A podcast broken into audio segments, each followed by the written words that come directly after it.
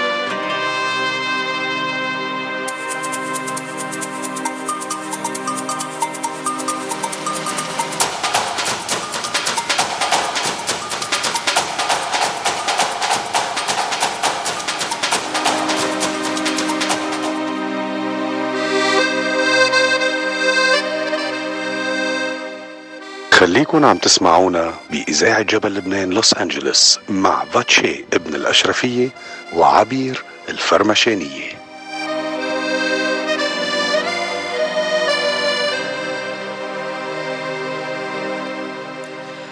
أهلا وسهلا بأحلى مستمعين إذاعة جبل لبنان اليوم الأحد 22 أيار 2022 good day bon après chérie عبير bonjour يا ابن الأشرفية كيفك؟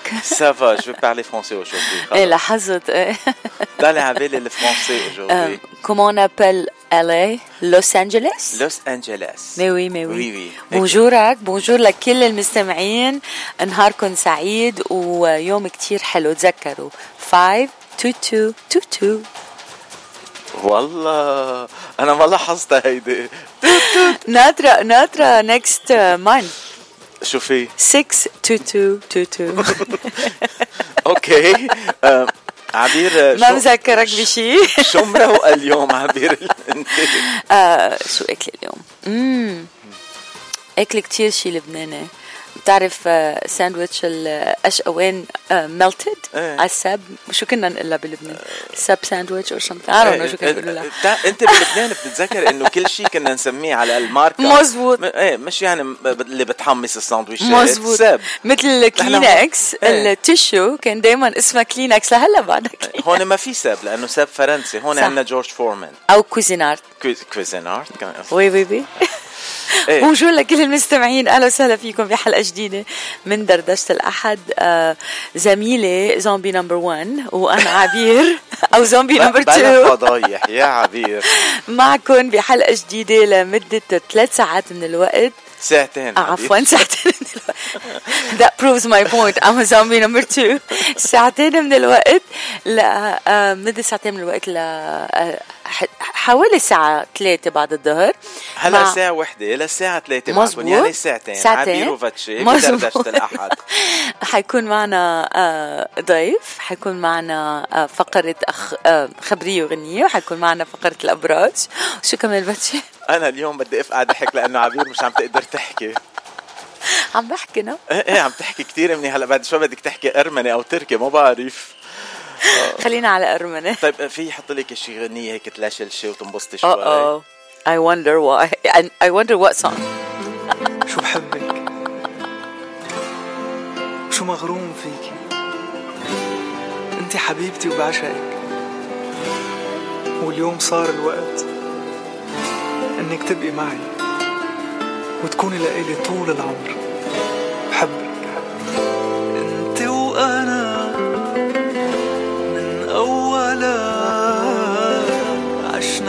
من- ميرسي فاتشي. من هلا ليخلق ال générique الجديد للبرنامج اللي وعدنا فيه. جورج صياح. صياح.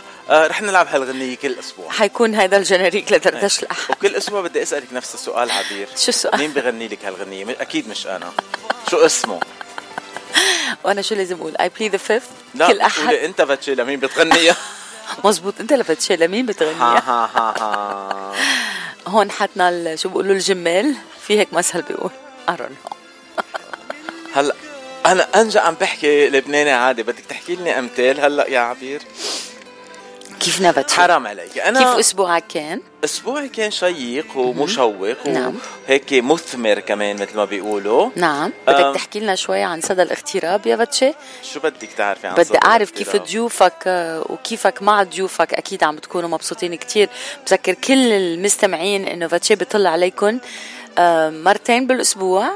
مزبوط يا فاتشي نعم. كل ثلاثة وخميس. كل ثلاثة وخميس ببرنامج صدى الاغتراب. من الأربعة للستة. كمان لمدة ساعتين من الوقت وبيكون معه ضيوف آه، من الجالية الأمريكية من أصول عربية واللي بيكونوا فاعلين بالمجتمع فنانين طباخين آه، ممثلين مغنيين اللي بدكم إياه. أه هالأسبوع نعم.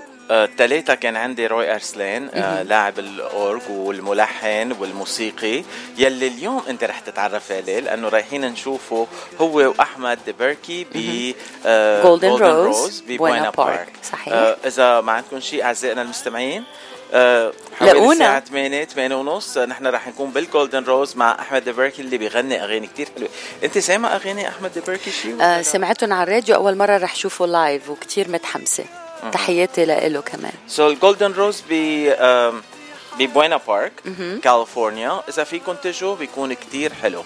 آه ليك بسمعك هيك مقطع من أحمد. رح تسمعني أكيد.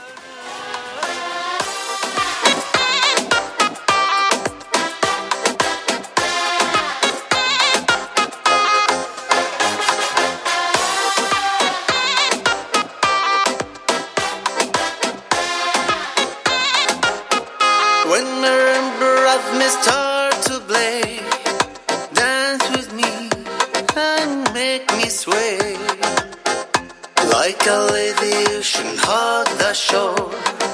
Hold me close, sway me more. Like a flower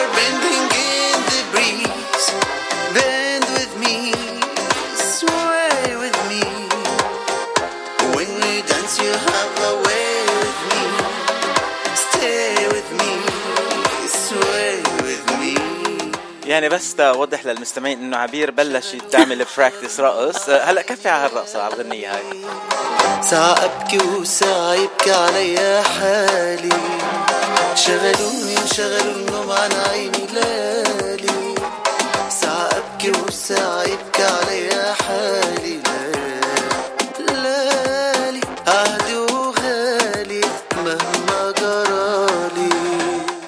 أحلى تحية لأحمد ولروي وبنحبكم كتير. ومين كان معك كمان فاتشي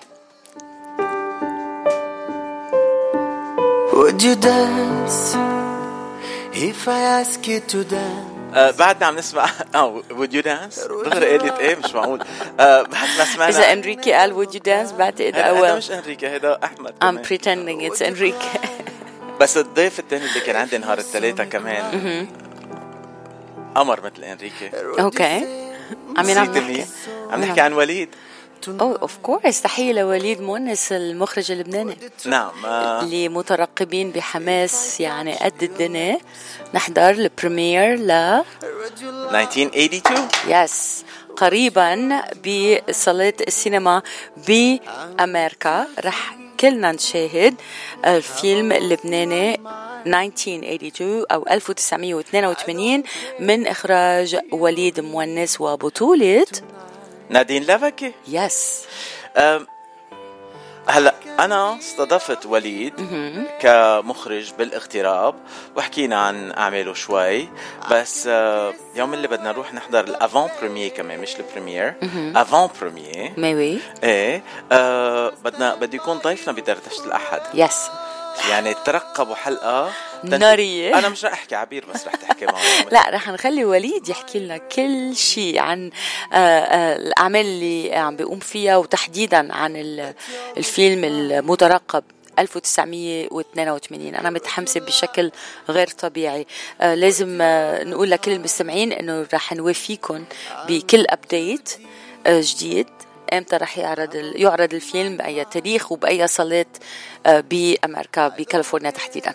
على سيرة الأفلام إجاكي خبر إنه فيلم بيروت after 40 رح يرجع ينعرض هون بلوس أنجلوس ولا ما of إجاكي course الخبر؟ إجاني of course إيه بدك تخبري المستمعين ولا بس بدك تخليها لإلك؟ مش رح تقولي لحدا رح خليك أنت تحب تخبرهم. أنا بعرف إنه it's on Monday وأنا يمكن ما أقدر أروح أشوفه لأني عم بشتغل ومأخر هالنهار بس رح حاول جهدا إني أقدر. آه، فيلم بيروت بعد الأربعين للمخرج أنتوني مرشا بيترشح لمهرجان مارينا ديل ري film festival آه، 2022 وبيعرض من خلاله يوم الاثنين 20 حزيران 2022 بلوس أنجلوس. تمام الساعة 9 ونص. يعني ما بتخلصي 9 ونص ولا شو؟ بخلص تسعة. إيه. المفروض. فلي بكير قولي لهم هيك جاني مغص. بقول bye. ال- الفيلم رح يعرض بمسرح سينمارك 18 ان إكس دي مساء الساعة 9:30 مساء 20 الشهر حزيران. والسينما آه، لازم أنتم لضمان التذاكر والحجز على الموقع المهرجان ويمكنكم الحصول على البطاقات من السينما يوم العرض. آه، هلا ما بنحكي عن كلفة الأسعار لأنه مثل الأسعار العادية. آه، بس لازم تشوفوا الفيلم وهو موقع المهرجان اسمه مارينا ديل ري film festival dot com. مارينا ديل ري film festival dot com. يعني آخر مرة كنا بمهرجان وشفنا فيلمه لأنتوني.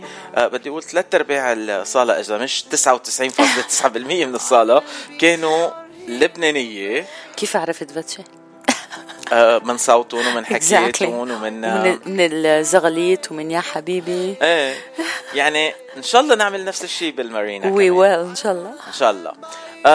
اخبرك مين كمان؟ كان عندي ضيوف آه، هالأسبوع. كان عندي ضيف مصور. انتقل من لبنان صار له شي ثلاث أشهر هون أو أربع أشهر وفاتح شغل تصوير وبيصور إيفنتات وأعراس اسمه روي أبو فيصل. آم، الحلو إنه تعرفت عليه قبل بأسبوع بس ما حكينا مع بعض لأنه هو كان مشغول عم بيصور بح- بحفل وأنا كنت موجود فيه. نعم. آه، وهيك يعني بعدين آه، إنه حكينا مع بعض ويعني وصار ضيف. صار ضيف. بصدى الاغتراب مزبوط مية بالمية. وحلقاتك عم تكون نارية حبيت كتير. آه، وبعدين كان عندي ضيف من آه، كندا من أوتاوا. آه، هيدا الشاب كمان كان مهضوم كتير. اسمه أنتوني شلهوب. عم هيك رح سمعك صوته. أوكي. أنتوني شلهوب هو مهندس وكمان بيلحن أغاني. آه، أنتوني شلهوب بيلحن وبيغني بس مغنى غنية وحدة وما بده الناس يعرفوه كمغني. بدهم الناس يعرفوه ك آه، ملحن. نعم. لأنه هو بيحب التلحين أكثر وبيحب يبقى بالتلحين أكثر بس كمان شغله مهندس. آه مثل آه، بتعرفي عنا صديق تاني هون بلوس أنجلوس كمان مهندس وبيغني. مزبوط نعوم الحلو تحية لك. صحيح. بس هلا بدنا نسمع غنيته لانتوني شلهوب يلي بيقول فيها برمت الدنيا ك- كلها. برمت الدنيا. يلا نسمع. اللحظة دي هقابل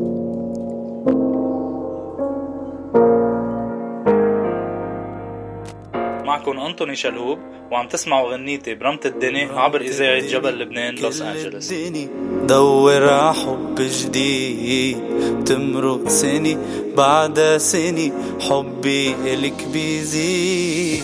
رمت الدنيا كل الدنيا دور ع حب جديد. تمرق سنة بعد سنة حبي إلك بيزيد. دقيت عقلوب البشر ما سمعت منهن رد. ما جاوبوا صاروا حجر ليش الأسى هالقد؟ ردي هالقلب اللي انكسر يلي بعده بيهواكي. كنت الشمس كنت القمر. كيف بكمل بلاكي ردي هالقلب اللي انكسر. يلي بعده بيهواكي كنت الشمس كنت القمر. كيف بكمل بلاكي كنت الشمس كنت القمر. كيف بكمل بلاكي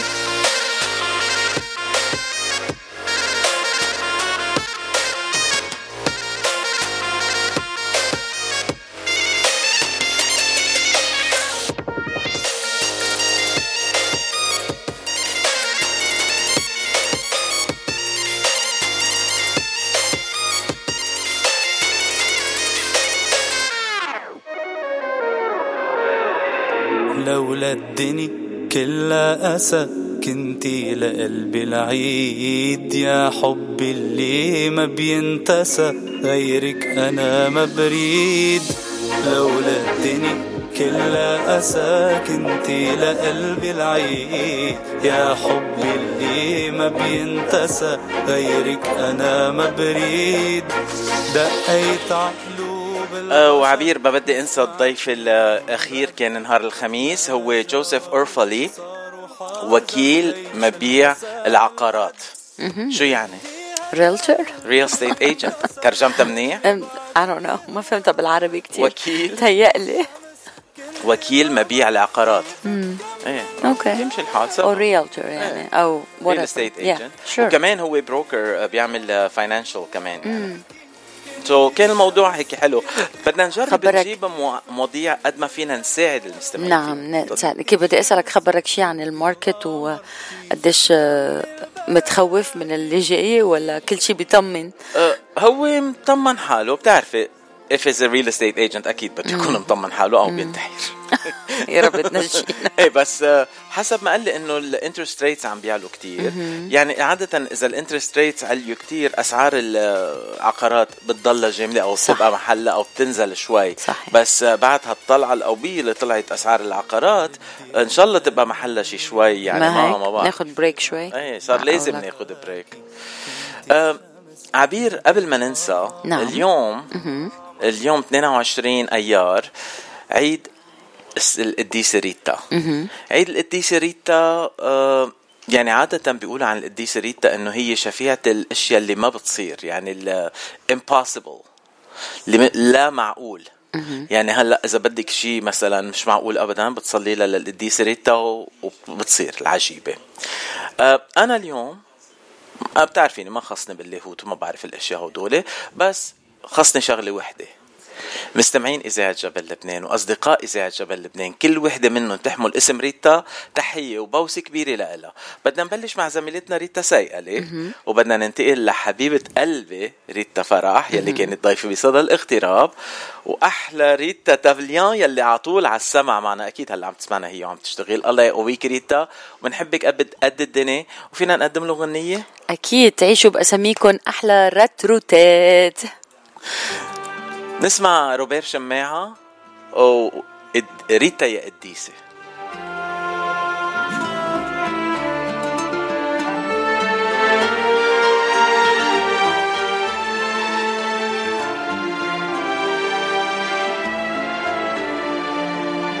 يا ريت اهتمي فينا يا البيتك صارك ناسي من ناجيكي اسمعينا من ناجيكي اسمعينا. شفيعة الأمور المستحيلة ريتا ريتا ريتا يا قديسي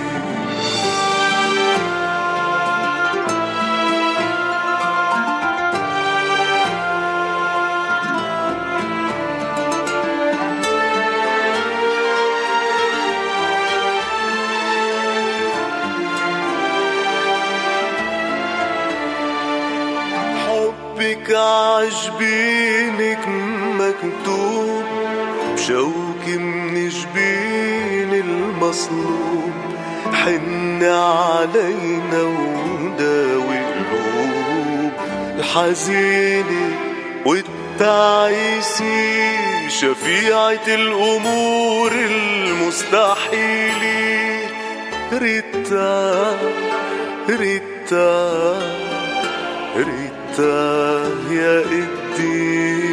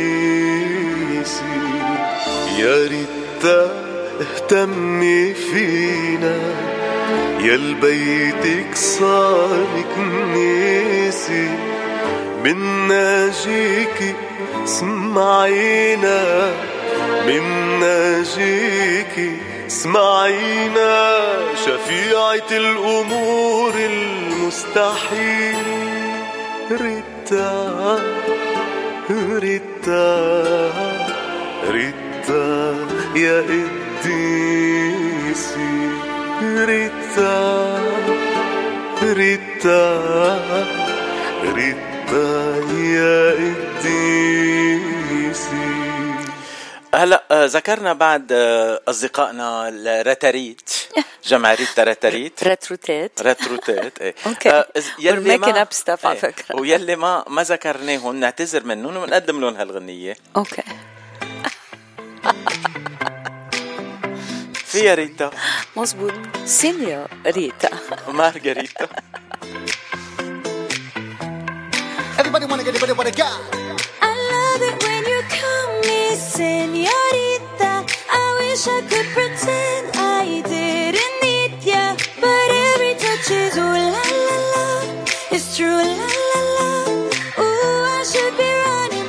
Ooh, you keep me coming for ya. فتاة أحلامي هالصورة رسمتها بخيالي بتحلى أيامي ضحكي لمست لي قلبي ولا لا لا أخدت لي عقلي إيه والله لا إيه ولو. يا ما ليالي وأنا سهران دايما لحالي وبس في ثواني. راهنت الإحساس عندك ولا لا لا. خسرة مثل الخاتم ولا لا لا. إيه.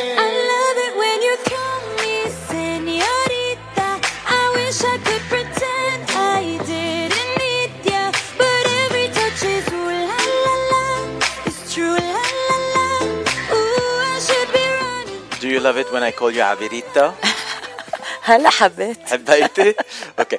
آه عبير عندنا نعم. ضيف جاي بعد آه، سبع دقائق ست دقائق مزبوط آه، داوود إبراهيم ضيفنا اليوم من الاراضي المقدسة من نعم. فلسطين المحتلة نعم. أو إسرائيل أو يلي بدكم تسموه. بس أرض في آه ناس عندهم آه إيمان إيمان، عزيمة بس- إرادة. بس عندهم موهبة كتير حلوة وعندهم كمان. مواهب. آه اول هلأ كنا عم نحكي أنا وعبير إنه كيف تعرفنا على داوود إبراهيم. صدفة سمعنا غنية من أغانيه وأنا دغري انغرمت بالغنية وبطريقة تقديم الغنية. رح نحكي أكثر عن هالموضوع مع ضيفنا داوود إبراهيم. نعم. آه يلي بدنا نقدمه كموسيقي. وفنان. آه، وفنان وملحن وكاتب كلمات. بس أهم شيء بحياته هو أستاذ. هو بيجيب الشباب والصبايا والمواهب. بالع- إيه، نعم. المواهب الشابة نعم. وبيقدمهم بطريقة كتير حلوة يعني كل شخص بيغني معه بأغانيه مشروع فنان سولو قريبا صحيح آه يعني الله يقويه. ويخليه بصحته ويخلي لنا اياه إن شاء الله يا رب. أنا متحمسه كثير لنستقبل الموسيقي والفنان داود إبراهيم ليحكي لنا أكثر لأنه هو متفرد فينا نقول بهالنوع من ال من البرودكشن أو ال- إنتاج. الإنتاج الموسيقي. لأنه فعلا دائما أغلبية أغانيه هي بتعتمد على أصوات آه، العديد خلينا نقول عشرات أو يمكن أكثر أمرار من الفنانين المواهب الشابة. وهال هالمدلي أو هالخلطه أو هالتقديم لهم كثير كثير رائع. ما كثير متحمسه لنعرف أكثر عن الموضوع.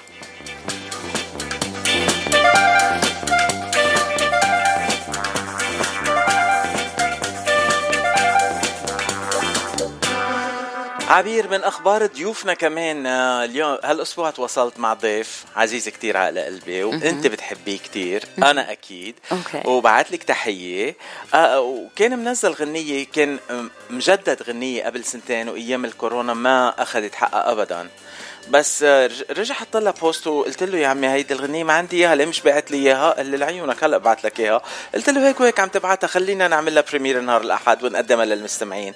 أوكي. فاسمعي هو يقدم الغنية ونسمع الغنية وراها. يلا نسمع هو؟ يلا نسمع من قلب المدينة ومن كل قلبي أجمل تحية لعبير وفاتشي ولمستمعين إذاعة جبل لبنان لوس أنجلوس عيسى غندور بحبكم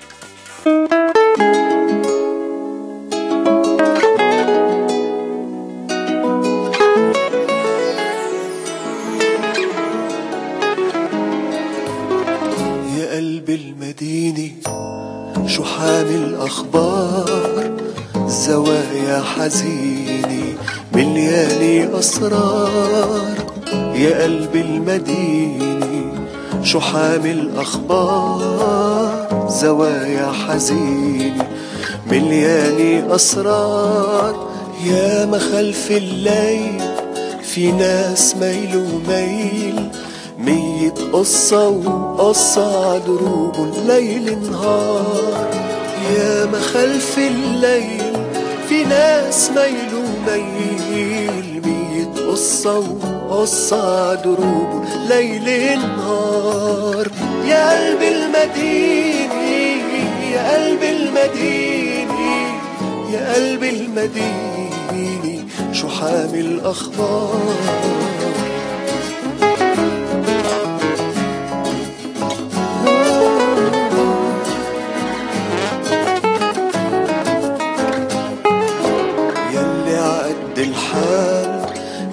بعيشوا بالحلال.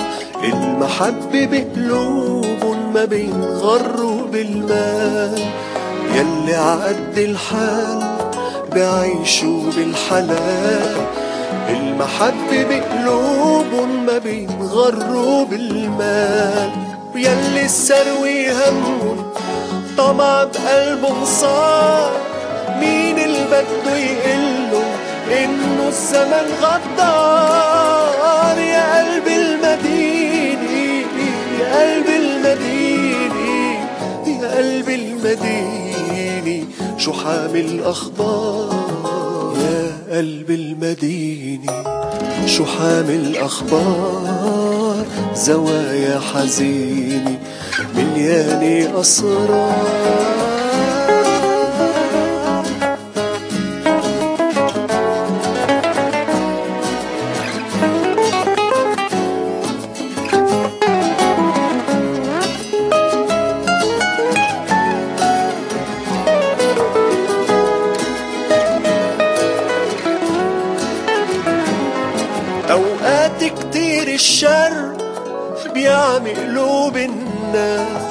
ما تشتغل بالسر تكبر بعين الناس. لولا انكسر هالقلب أو دبلة الأحلام بيرجع بطل الحب عدروب هالأيام لولا انكسر هالقلب أو دبلة الأحلام بيرجع بطل الحب. عدروب هالأيام وحده الحق بيبقى بآخر المشوار. يا قلب المدينة يا قلب المدينة يا قلب المدينة. شو حامل أخبار؟ يا قلب المديني شو حامل أخبار؟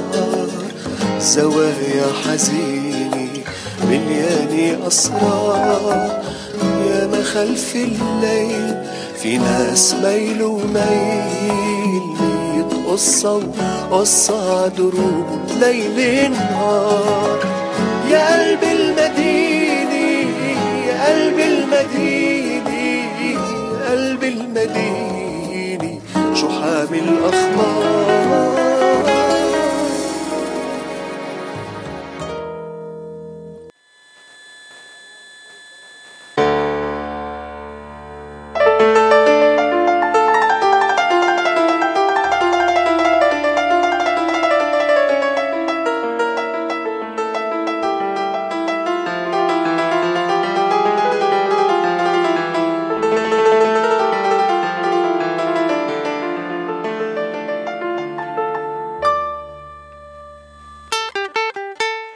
You're listening to KWBP FM 90.1 Big Pine California. وبعدكم مع دردشة الأحد مع أحلى عبير الفرمشانية أحلى.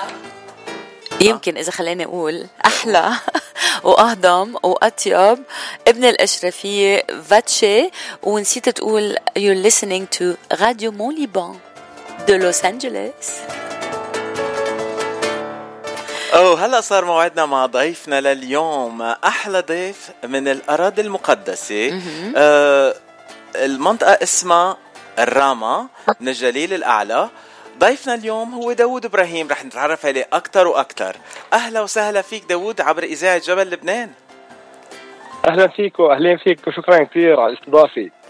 أهلا وسهلا داوود. فينا نقول مثل ما قلنا تحت الهواء. bonjour كيفك؟ ça va طبعا طبعا ممكن أكيد أكيد ممكن. يعني قلت مثل ما قلت لك مثل ما خبرتك لحد هون بنفع بعد هيك ما بفهم عليكي. رح نوقف هون.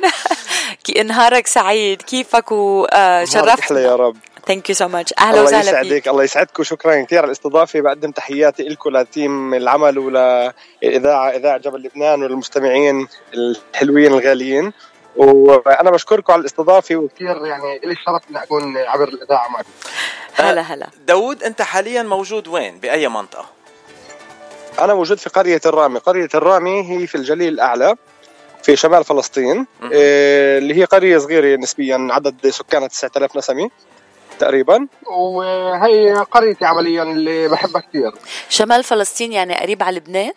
أنا كثير صعب أيوه بدي أيوه أجاوب. هي Yes. هي بتحد على الحدود هي بتحد على الحدود مع آه، لبنان تقريبا يعني بعيدة إذا مش غلطان بعيدة شيء 30 كيلومتر خط هوائي أو 40 كي- 30 40 كيلومتر يمكن. داوود رح تطلعوا هلا جيران. هلا هلا هلا رح تطلعوا جيران أنتوا وعبير لأنه طبعاً هي على جيران. الحدود اللبنانية لفلسطين. أنا على مسقط. رأسي أيوة. مسقط رأسي على الحدود آه طبعا اللبنانية. معناها جيران قرابة كثير هيك. هلا هلا كل ما. بدي شيء شغلة ولا شيء غرض ساعتها بتوجه دغري للعبير بقول من الشباك بنادي عليها. شو بدي خبرك؟ أنا يعني القصة كلها تحت. شو بدي خبرك؟ اوعك تصدق اوعك تصدق ما ما بعتقد يخلوا عصفور يمرق من الحدود بلبنان بس ماشي الحال. بعد يعني الجغرافيا بدنا نمشي حالنا. بدنا المهم المهم المحبة بالقلب المهم صح. المحبة بالقلب ما. فيش لها حدود. والمهم إنه جيران عن جد. أنا وإنت تحديدا. سوري صح. باتشي صح.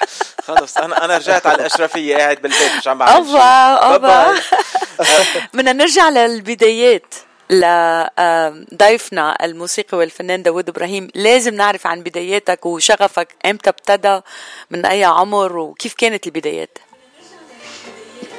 آه، بداياتي كانت في طفولتي طبعا. بداياتي كانت كعازف مثل كثير أطفال بالعالم بيحبوا يمارسوا هواية العزف والموسيقى فبديت من هناك يعني وكان في عندي كيبورد صغير كنت أعزف عليه. حسيت حالي وأنا بطفولتي كثير يعني موجود في المحل الصح اللي بيشبهني أو بيشبه شخصيتي.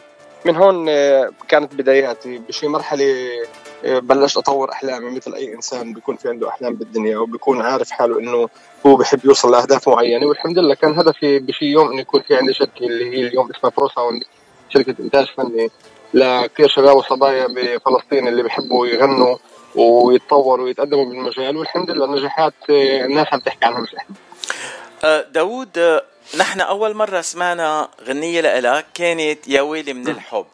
وهيدا الغنية أول. ما سمعتها دخلت قلبي لأنه أنا كمان على طول بقول يا ويلي من الحب الله يبعدنا عنه. الله يكتر منه. هيك لازم تقول يا باتشي أنا أنا أنا خليني ساكت على على تعليقك هذا. آه، بس تنقول للمستمعين داوود مجوز وعنده آه، بنوت كتير حلوة. حبيبة قلبي بسلم عليها وبوسها. يخلي لك إياها. سمير كمان وابنك. آه ابنها أنا أنا نسيت سمير. سوري. بعتذر منك سمير. بسيطة بسيطة. أنا بدي أطلب من الفنان آه، داوود إبراهيم لو سمحت ما بعرف إذا بتقدر تعمل adjustment للصوت لأنه عنا مشكلة شوي بسماعك بطريقة واضحة. لسه سمعتيني واضح؟ هيك هيك تمام؟ هيدا أحسن شيء. Perfect. خليك هيك. ما تتحرك. خلص تمام يا.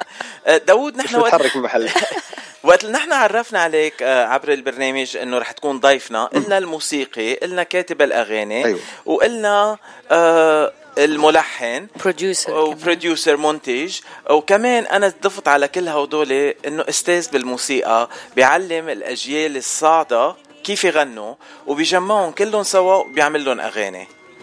آه، قربت للتفسير ولا بعدني بعيد كتير؟ صحيح. هو هو هذا التعريف الصح يعني لطبيعة شغلي ولطبيعة حياتي الفنية والمهنية يعني. آه، ولشغفي كمان يعني في كل المواضيع هاي. آه، وبالإضافة لهيك حبيت هيك كمان جديد. لأنه شفت إنه دائما الأغاني بتحب لازم تكون آه، في إلها نمط فيديوهات اللي هو مختلف شوي. يعني من ناحية editing وتصوير وأفكار. فحبيت هيك شوي صغير كمان أدخل عالم ال editing يعني. وكمان يعني عم عم بشتغل شوي عم بكون مهتم بالموضوع حتى أكمل الصورة المهنية لأي عمل فني عم ننتجه بشكل صح يعني. بس كل التعريفات السابقة اللي أنت حكيت عنها هي طبعا تعريفات اللي صايبة الهدف. آه، والفيديوهات يلي بتقدمهم آه، داوود كل كل مغني بتعملوا نجم بالفيديو. بتعطيه حقه بتعطيه أغ... آه، مقطع الغنية لإله وبتعطيه المقطع من الفيديو لإله. آه، هيدي شغلة مهمة كتير وبتعطيهم هيك كأنهم كلهم أولادك بس أكيد أنت منك بهالعمر إنه يكونوا أولادك بس تلاميذك وبتنتبه عليهم بتعطيهم كل واحد وقته. آه، قد إيه صعب هال... هالحديث؟ تما تزعل حدا؟ هات أحكي لك أول إشي إحنا بأي عمل فني بنشتغل عليه يعني في أغاني الجمعيه إحنا بنشتغل كتيم واحد وكعائله واحدة يعني مهم كتير في كل اي في أي مجال في الدنيا. مهم كتير إنه الكل التيم يكون عائله واحدة حتى ينتج العمل بشكل صح يعني وبكيمياء صح كمان. ف كثير بهتم قد إيه ممكن نكون متقاربين من بعض ويكون في اتفاقات. بصراحة إشكالات في هذا الموضوع يعني ممكن أقول لك إنه فعلا مش عم بصادف لأنه الكل بيعتمد علي إن أنا بوظف الشخص الصح في الأغنية في المحل الصح. يعني في كل الأغاني الجماعية يا ولم الحب ليلي ليل منين أجي مثلك؟ والله أحبك. وعتبان عليك اللي نزلت من يومين طبعا. إيه، توظيف الأصوات هو لازم يكون بطريقة صح. يعني في أي مجال ما بينفعش إنه يكون في حدا اللي يقول إنه أنا بعرف فلان أو أنا أصحاب مع فلان وعشان أنا بعرفه أنا لازم أعطيه فوكس بمحل معين. يعني التوظيف الصح هو بنجم العمل دائما داوود؟ بناء الخارطة بناء الخارطة الفنية لأي عمل فني جماعي بما إنه عم بيغنوا فيه يعني 8 و15 8 مرات و15 مرات يغنوا في الأعمال الفنية. فتوظيف الخارطة الفنية هاي وتوزيعها بشكل صح هو أمر جدا صعب. بس بده شغل لما بتشوف النجاح بتنسى كل التعب اللي كان.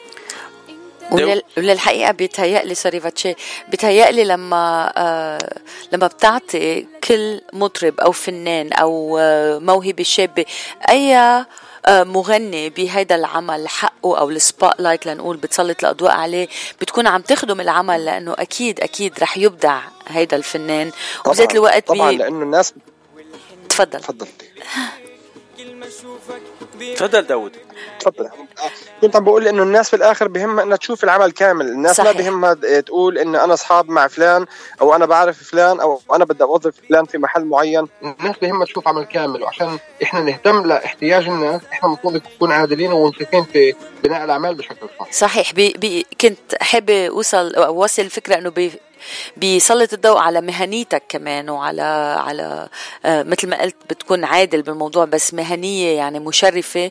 وطبعا كل المشتركين بالعمل بيكونوا أكيد متحمسين وحاسين بالعدل والمهنية وبهاللحظة اللي عم بي هن يقدموا فيها العمل أو المقطع الغنائي. طبعا. آه عندي طبعاً، سؤال. لك. آه حضرتك قلت إنك بتتعامل مع مواهب آه من الأراضي الفلسطينية. آه صار معك آه أي تع- تعاملات أو بتطمح لتتعامل مع فنانين عرب من خارج البلاد الفلس أو الأراضي الفلسطينية؟ أكيد بدون شك هي أكيد بدون شك هي الخطوة راح تتحقق وراح تصير بس حتى الإنسان ينجح كمان إنه يوصل للعالم العربي. في الإنتاجات الفنية في التوزيعات الموسيقية والالحان والكلمات المفروض يبلش في الدائرة الصغيرة اللي هو فيها في بيته. يعني ينجح و- ويثبت لل- للناس النجاحات الموجودة. وللفنانين الموجودين في العالم العربي وفي كثير فنانين من العالم العربي. أنا يعني كان في إلي عمل مشترك مع الفنان عزة زعرور اللي أنتجت له أغنية الشاره المسلسل آه، آه، النفس الأخير. عفوا ما سمعنا اسم ال- الفنان. عزة زعرور. نعم. أيوه فأنا أنتجت لها أغنية الشاره المسلسل و... واصلا يعني عزة لما تواصلت معي إيه، كان الموضوع من خلال أغنية هويل من الحب لما نعم. شفتها وأعجبت فيها. فأنا حسب رأيي دائما الإنسان عشان يوصل لمحلات أبعد لازم يبلش بالنجاحات في المنطقة اللي هو فيها وفي في بلده. والحمد لله اليوم حتى العالم العربي يعني من كل البلدان العربية بدون يعني ما مش راح نذكر كل البلدان بس عم توصلنا رسائل وإطراءات بالمئات وبالآلاف من كل العالم العربي. والحمد لله إحنا كثير راضيين عن النتائج لأنه إحنا هون كفلسطينيين إحنا يعني إلنا الشرف إنه نبرز صوتنا وإنه رغم كل الضغوطات اللي إحنا عايشين فيها إنه على الأقل يكون في عندنا الزاوية الإبداعية والزاوية الفنية اللي إحنا ن- يعني نعبر عن نفسنا وعن إبداعنا وعن فننا فيها من خلالها. نعم. والسؤال اللي بيحضرني هلأ طبعا لو سمحت خلينا نقول هلأ المشروع البرودكشن كل شيء مثل ما بدك رح تتعامل مع فنان عربي أو فنانة عربية. بدي أول اسم أيوة. بيخطر على بالك. بدي أتعامل مع هذا الفنان أو اسمين هذه عشان الفنانة. عشان أول اسمين لأنه بصراحة بنفس الدرجة بحبهم كثير اللي. نصيب زيتون وشريع عبد الوهاب. الله الله. أنا موافقة. عمالك على الخط الثاني معنا نصيف زيتون. هلا بده يحكي معك وبده يطلب منك غني. لا عم بمزح. أكيد عم على بمزح. الخط الثاني عم بيقول مش عم تزبط معي عم زيتون مش عم. تزبط معي إلا لا. يعني قابل فاجئني فاجئني على الهواء قدام المستمعين عن جد. بينفع كمان. أنا أنا بسمح لك. داود أنت كنت عم تحكي إنه آه تما يقولوا الناس انها بتعرف حدا أو شيء تاني هيك. هلا صرت تعرفني أنا وعبير. إذا عم تعمل غنية جديدة هلا تنقول قد إيه بيطلع لنا أنا وعبير بالغنية؟ بتعلق إيش؟ يعني أنا بفضل إنه إطلالتكم بالأغنية أنا حسب رأيي يعني بتسوى كل كنوز الدنيا. الله يخليك. يعني يا ريت لو لو فيكم بس تكونوا هيك باطلاله صغيره في الفيديو حتى ينور الفيديو أكثر الله يخليك الله، من ذوقك من ذوقك. شكرا شكرا كثير داود آه وقت أنت قدمت هالشباب والصبايا بالأغاني اللي عم بتقدمهم آه هن مشاريع مغنيين سولو بالمستقبل ولا بس بيضلوا بالمغني بإطار الغناء الجماعي؟ راح اتطرق لجوابين على سؤالك اللي سألتني إياه. أول اولا قسم كبير من الفنانين اللي اشتركوا معنا الشباب والصبايا اللي اشتركوا معنا في الأغاني الجماعية هم الناس اللي كمان أنتجوا أغاني خاصة إيه لإلهم لأنه هن مشاريع فنانين طبعا لقدام. قسم- كبير منهم بيطمح إنه يكون في عنده منصات اللي يقدم نجاح فني من خلالها. آه، مش رح أذكر أسماء لأنه في كثير أسماء عنا. بس اللي مهم أقول لك إياه إنه قبل ثلاث سنين يعني برو ساوند كله على بعضها آه، هي شركة واستوديو اللي صار له شيء أربع سنين تقريبا. اللي قبل هالفترة هاي كان في عنا كثير نقص ما كانش في عنا حدا اللي يحتوي هاي الفنانين وهاي الأسماء اللي يطلعها يطلعها للضوء بشكل صح يعني. فكان في هيك بدي أسميها حاله من اليأس المعين اللي ما ما كانش في يعني منصات تدعم وتحتوي هاي الناس وتقول للعالم العربي تعالوا يا عمي إحنا هون في عنا كمان فنانين وشباب وصبايا الاصواتهم كتير حلوة وبيغنوا وبينتجوا أعمال فنية. فبعد ما إحنا بعد ما إحنا يعني بعد ما برو ساوند آه، فتح الاستوديو برو ساوند صار في عندي خلص قرار إنه الفنانين الشباب والصبايا الصغار اللي بيغنوا لازم يكون في لهم منصات واللي بيحب طبعا بالنسبة لسؤالك اللي بيحب إنه ينتج عمل فني خاص أكيد وكثير أعمال فنية ناجحة أنتجناها موجودة على قناة برو ساوند على يوتيوب وفنانين اللي عم بيعملوا حفلات وعم بينتجوا حفلات بشكل كتير آه، رائع وممتاز وناجح. وإحنا هدفنا دائما إنه إحنا نفتح المنصات لكل إنسان بيستحق صوته حلو لأنه إذا إذا مش إحنا تولينا هاي المهمة ما فيش مين يكملها بعدنا أصلا يعني. فعشان هيك إحنا دائما نطمح لأنه إحنا نعطيهم المنصات الصح حتى يتقدموا بحياتهم الفنية مثل ما بيحلموا. داود بحديثك هلا عم بتذكرني بموسيقار لبناني. آه كل العالم عرفته إنه بيساعد الفنانين الشباب وبيوصلهم للعالمية بعدين بيجيبهم على لبنان بيوصلهم للنجومية بلبنان. الاسم اللي ياسر رحباني بيقول لك شيء أنت؟ طبعا. يعني أنت كأنك خ... إيه. راسم خطك مع الياسر رحباني أو آه، متناسق مع الياسر رحباني متأثر فيه شيء؟ بدي أحكي لك اولا اولا بدي أحكي لك إنه أنا متأثر جدا فيه لأنه أنا وأنا وصغير بتذكرش حالي غير لما كنت أروح مع أبوي مشاوير أو مع أهلي مشاوير في السيارة. بتذكر إنه كل الموسيقات اللي كانت موجودة في السيارة كانت بس الرحبانية ولا ماجد الرومي. فأنا متأثر جدا فيهم يعني وفي في فنهم وفي عطائهم للفن كمان. وطبعا بشخصيته كش- كشخصية إنسانية اللي حاول كثير يدعم وكثير يقدم للفن بالعالم العربي طبعا كمان بهذا بهذا المحل آه، الإنساني كمان متأثر فيه. ويمكن كمان لأنه بشي محل تاني بآمن في الإنسانية وفي العطاء. فبحس إنه كل إنجاز جديد كل نجاح جديد ممكن نقدمه لأي إنسان هو بالنسبة لي هو نجاح لإلي أنا. مش علشان اسمي. ولا عشان اسمي يبرز أكثر بس لأنه أنا بحس باكتفاء الذاتي بهذا المحل إني أحس إنه في إنسان كان عم بيحلم بهالحلم وحقق حلمه وعم بنجح. يعني لما بسمع اليوم عن فنانين اللي سجلوا في برو ساوند والحمد لله يعني آه، بدي أحكيها بكل تواضع. برو ساوند اليوم يعتبر في فلسطين هو المنصة الأولى للإنتاجات الفنية. ف لما بشوف إني أنا عم عم بقدم إشي اللي عم عم بيعملوا حفلات من وراه وعم بنجحوا من وراه وبحققوا أحلام من وراه هذا بيعني لي كثير لأنه أنا كمان مسيرتي ما كانتش هينه وبعرف قديش كان صعب علي إني أنا ما كانش في مين يحتويني.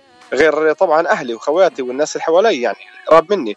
فلما أنا بشوف بالمحل المهني إنه ممكن أحتوي فنانين وأوصلهم لمحل آه، بعيد هذا بيعني لي كثير الموضوع. أوفر عليهم طاقات وتعب ويأس و- وشعور بالخذلان.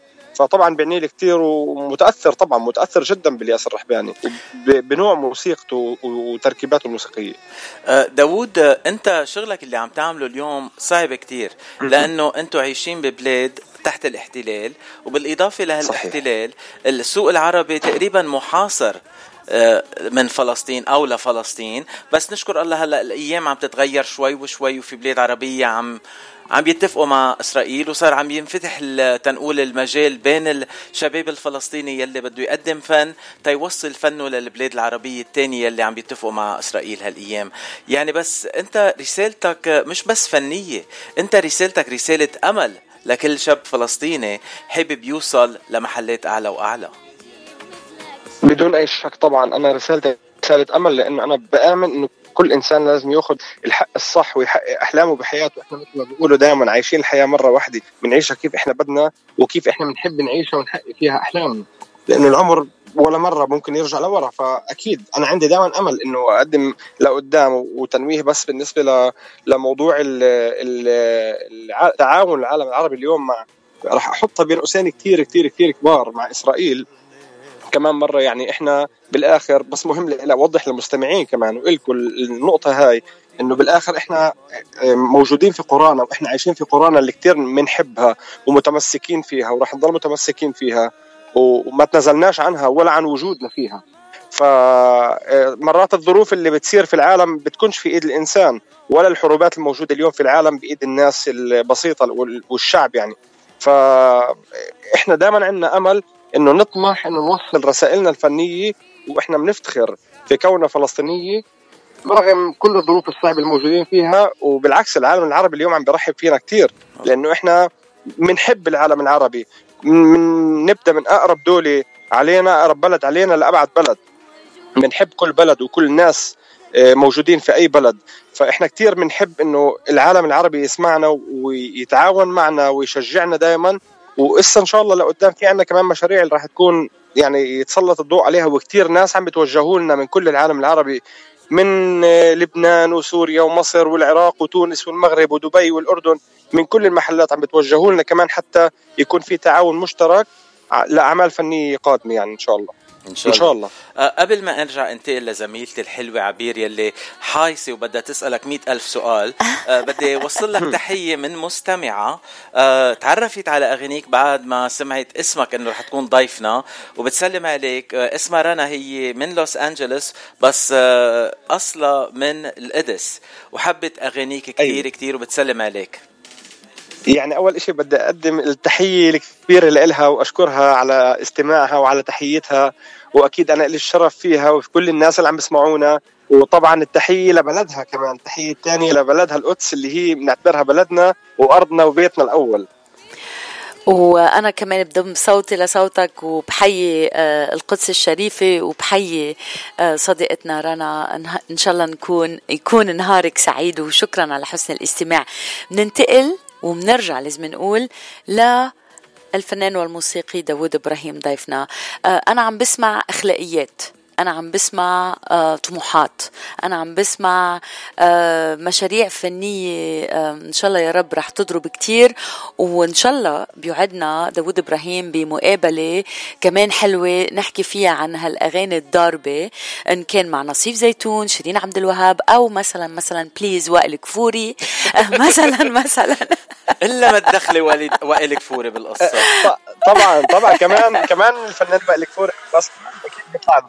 هيدا طلب شخصي لأنه آه، حضرتك آه، يعني بهالأغاني اللي بتقدم لنا إياها فيها كتير رومانسية ويعني وائل كفوري غني عن التعريف إنه كتير كتير بيقدم الأغنية الرومانسية بشكل رائع جدا.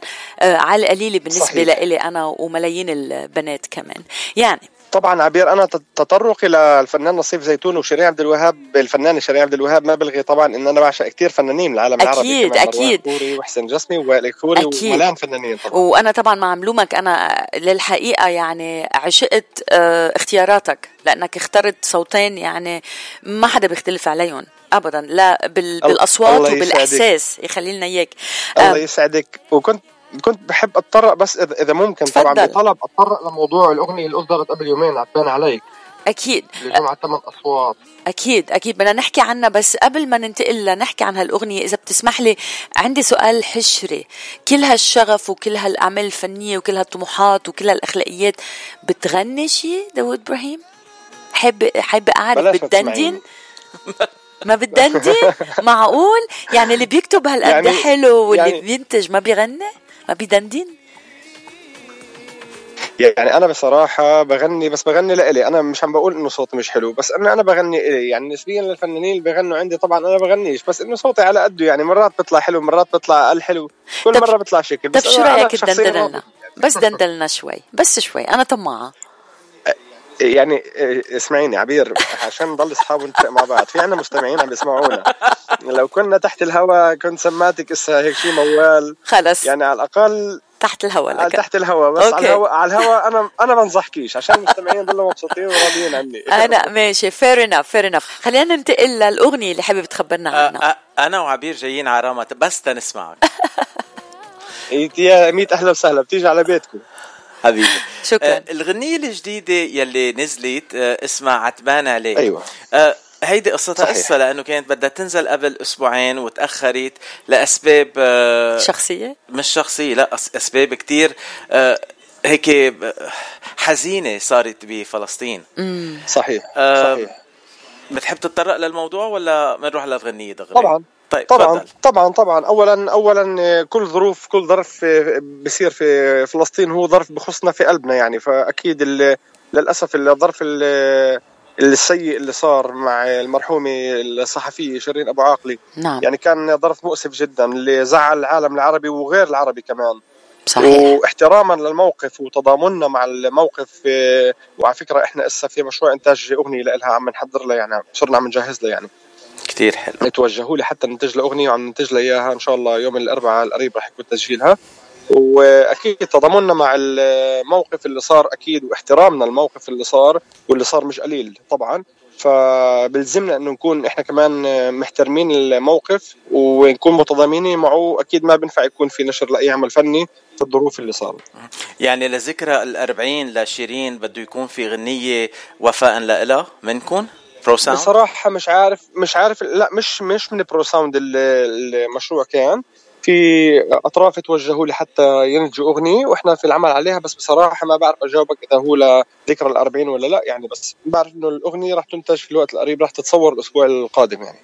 وأول ما تكون الغنية جاهزة please please ابعث لنا إياها. لأنه مثل ما طبعاً، بتعرف طبعاً. شيرين مع إنه كونها فلسطينية بس تحمل الجنسية الأمريكية كمان. يعني بيطلع لنا حق فيها كمان حبيبة قلبنا. غير. آه غير إنه كمان يعني. إذا بتسمح لنا شيرين أبو عاقلة نحن زملاء فينا نقول بالمهنة بشكل أو بآخر يعني. آه الرحمة ل...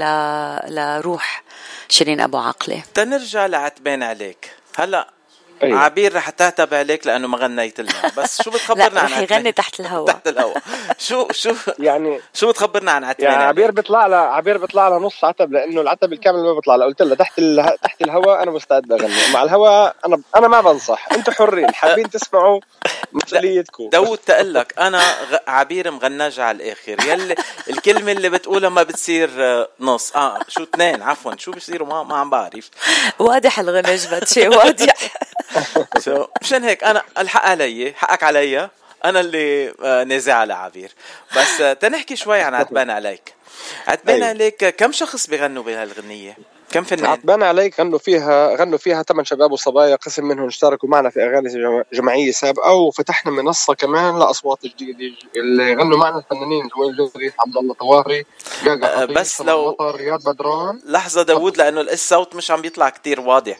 لو بس ترجع بتعيد الأسامي لأنه لازم نعطيهم حقهم.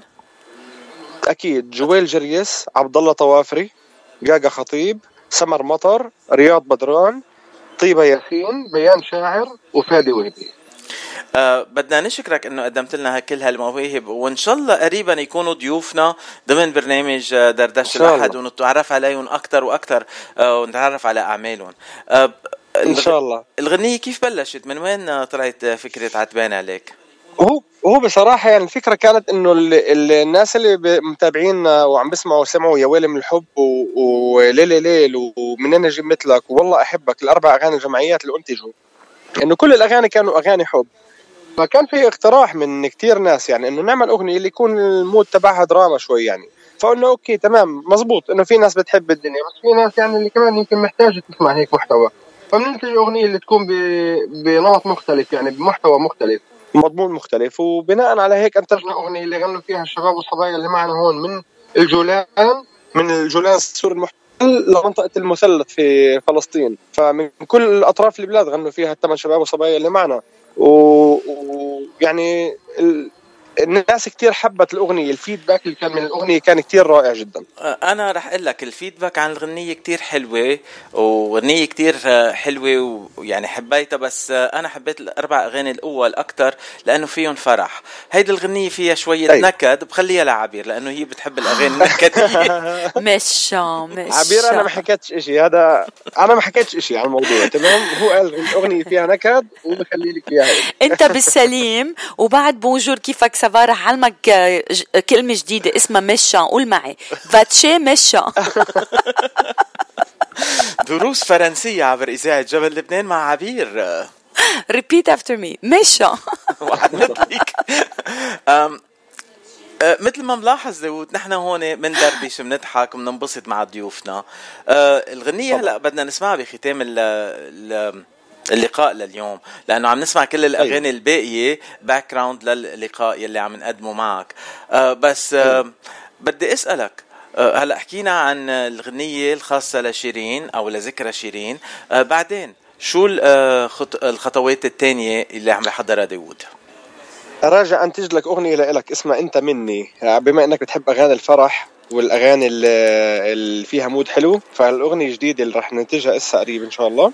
أها. أغنية جمعية هي أغنية صيف. اسمها أنت مني يلي رح ننتجها بالوقت القريب إن شاء الله.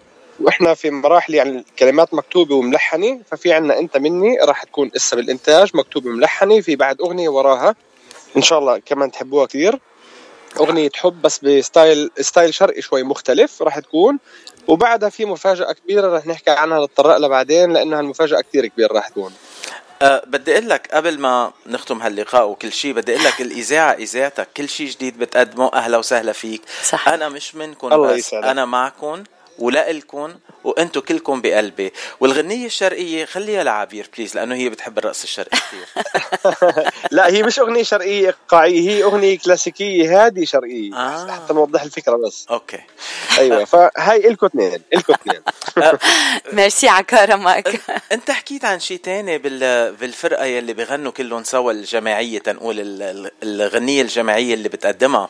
إنه في على طول في كيمياء chemistry بين الأشخاص وفيها الصداقة والعيله أه بأول أربع فيديو يلي شفتهم أنا بكل الفرح وكل هدول خاصة وقت اللي عم تستعمل ال outtakes بالفيديو بتشوف هالفرح والصداقة هالهارموني. وال... إيه وال- والأخوة آه، أوقات يعني طبعاً. بيكونوا عم بيمثلوا دور آه، حبيبين بس بتلاقي إنه بآخر المطاف كلهم في بيناتهم هالأخوة والمحبة القوية الزايدة تا عم بيعملوا هالشغل الحلو سوا.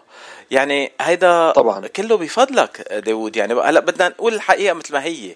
آه، أنت خالق الغنية وأنت خالق الجو تيصير في هيك محل يعني للفنانين. الله يسعدك.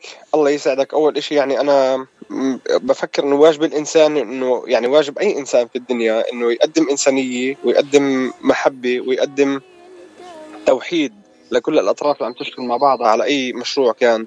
فكتير مهم طبعا في من الحب مثل ما قلنا بالأغاني كلها السابقة وعتبان عليك الأجواء كانت كتير قريبة من بعضها وأنا حسب رأيي أي أي إنسان بيتعامل بالفن وبحس الفن جواته صعب يبني يعني علاقات غير علاقات حب مع كل الأطراف اللي بتعاون معها هذا هذا الأصول اللي لازم يكون يعني. فإذا كان في أي شخص وما أنا الحمد لله ما صادفتش وبتأمل ما, ما اصادف هيك موقف يعني إذا في أي إنسان اللي هو شايف حاله مش بهذا الإطار عادي في ملام محلات تانية ممكن توجه له حتى يحقق نجاحاته.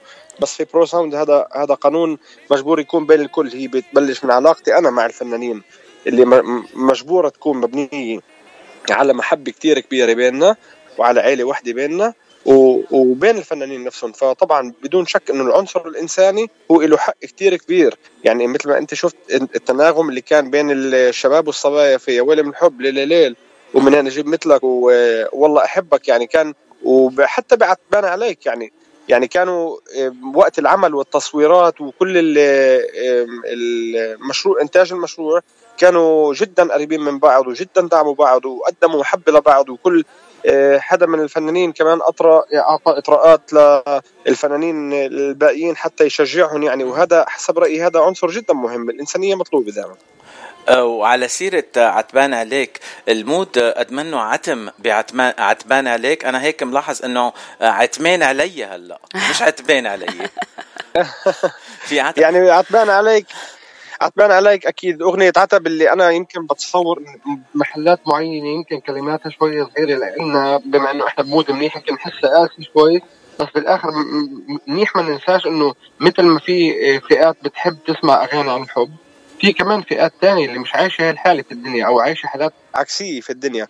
فمفروض تلاقي كمان محتوى اللي تسمعه لأنه الإنسان الذكي والإنسان اللي بده ينجح هو الإنسان اللي بيعرف يقدم محتويات اللي آه، بتلائم شرائح معينة من المجتمع مش مش بس شريحة واحدة.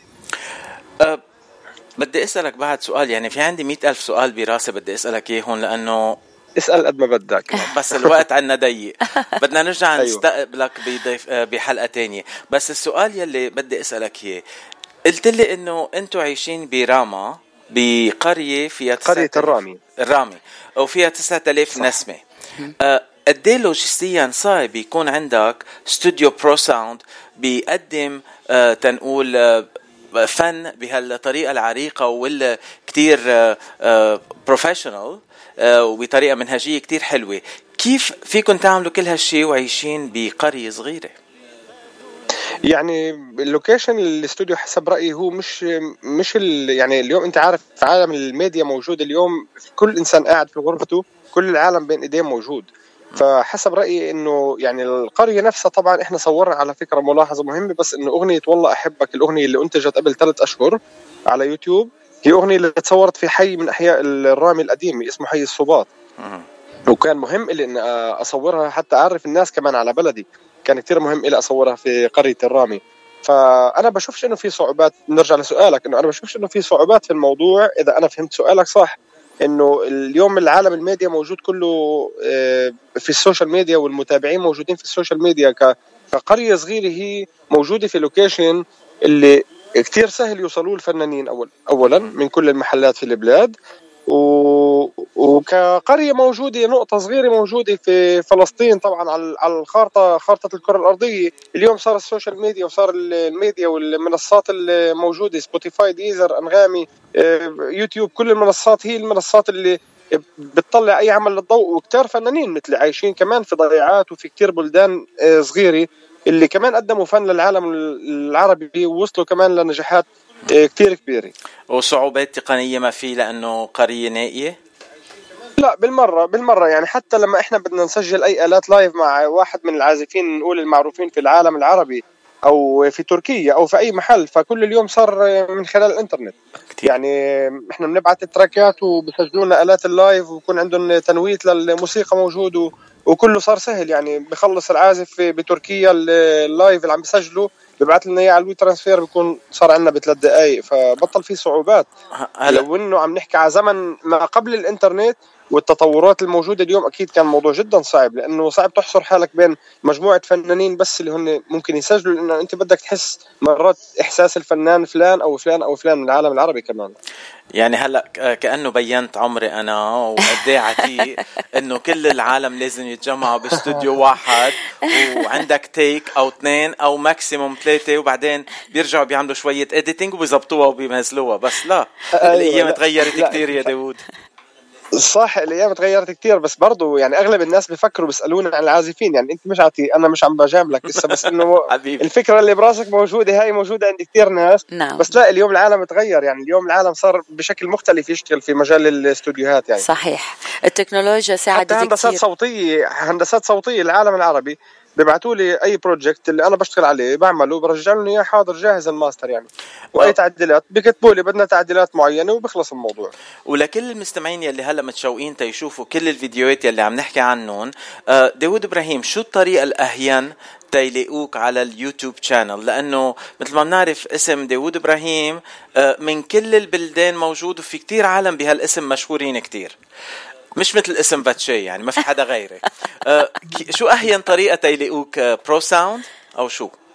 آه طبعا قناة برو ساوند بالإنجليزي P R O S O U N D على يوتيوب موجودة برو ساوند أو بينفع يكتبوا داوود إبراهيم بالعربي كمان. آه بينفع يكتبوا عتبان عليك أو أغاني داوود إبراهيم. يعني أغاني برو ساوند كل ال keywords هاي كل ال tags هاي بتوصل للطاحوني زي ما بيقولوا. مظبوط. يعني الاسم وفي بندعي كل الناس وعتبان عليك الأغنية جديده بندعي كل المستمعين كمان يسمعوها وإن شاء الله بتنال إعجابهم.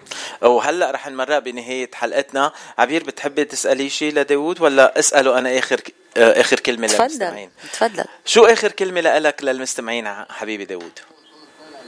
اولا بدي أشكر كل المستمعين اللي سمعونا وتابعونا وإحنا يعني في الأغانينا الجمعية بصراحة كان في عندنا دعم كتير كبير كمان من كل الجاليات العربية في كل الدول في أمريكا في كندا في كل المحلات كان في عندنا دعم كتير كبير. وإحنا أنا بتشكرهم على كل الدعم اللي قدموه. فعلا كان يوصلني ستوريز فيديوهات من كل محل في العالم بالكرة الأرضية. أنا كثير يعني بشكرهم على استماعهم وأنا بتمنى إنه كل إنسان في عنده أي حلم يحقق حلمه ويشوف يلاقي حاله بس وين هو بحب يلاقي حاله. وإن شاء الله كل يعني بدي أحكي كمان شغلة غير للمستمعين للمستمعين لكل العالم. إن شاء الله بس السلامه يعم بالعالم. حتى إحنا كمان طاقاتنا ونفسيتنا تكون أحسن ونسمع أخبار أحلى اللي تهيئ لنا نفسيتنا بالشكل أفضل ننتج. لأنه لما في موسيقى وفي فن بالعالم صدقني هاي الطريق الأحسن لأنه إنسان يعيش بنفسية مرتاحة وبدل ما يعيش 80 سنة بيعيش 100 سنة.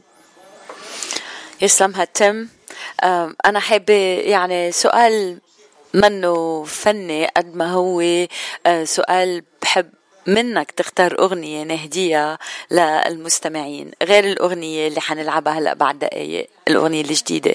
إذا بتحب يعني تهدي أغنية. بما... آه، تفضلي. أكيد بما إنه المود تبع كل الحلقة كان كتير حلو فأنا أكيد بقترح إنه نسمع مع بعض يعني يا ويلي من الحب أو والله أحبك كمان ممكن نسمعها. يا ويلي من الحب هي أغنيتنا الأولى يعني أكيد مدعوين يسمعوها أو نحطها بالبث هسا. وإذا نعم. في هيك ناس حاسين انه mood هم مش حلو مش حلو إحنا بنقول لهم إنه إحنا قلبنا معكم. وإذا حاسين ب mood فراق وهيك بنفع هن يفوتوا على اليوتيوب يكتبوا عتبان عليك ويسمعوه هناك. يلا. ميرسي كثير داوود وبنتمنى لك ليلة هادية. هلا صار بعد الساعة 12 عندك. نعم. بنتمنى لك احلام أيوة سعيده و... و please please. بت... آه... please بطلب منك تسلم على كل الشباب الفنانين صبايا الشباب يلي بيغنوا. معك وبعت لنا كل تحياتنا لهم وأنا بقول كمان حبيبي الله يسعدكم ويخليكم. شكرا كثير لكم للمستمعين ل team العمل على الاستضافة الحلوة وشكرا على الطاقات الحلوة اللي تركتوا لي إياها بعد المقابلة. شكرا شكرا لك آه، شرفنا ببرنامج دردشة الأحد تصبح على ألف ألف ألف خير وكل الحظ السعيد. لك أهلا. الله معك. كثير باي. باي.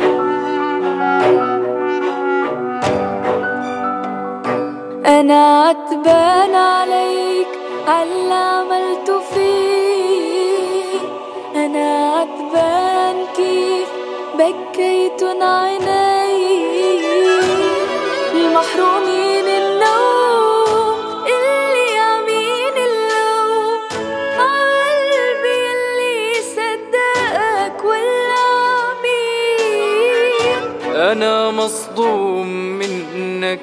كيف تجرأت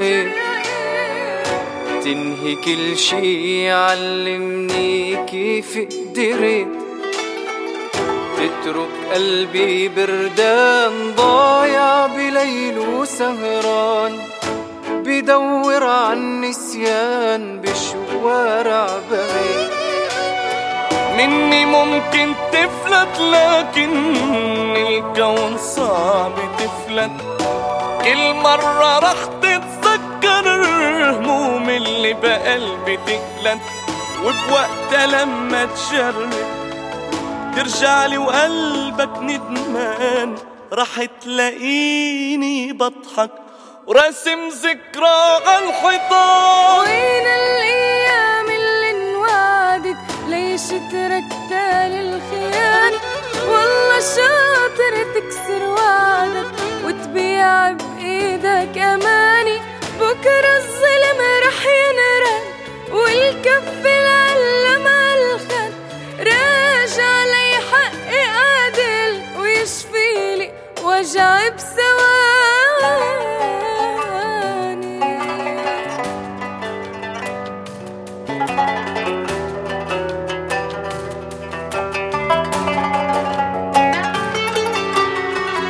ليش المنحب بوفا بهدينا بالمقابل.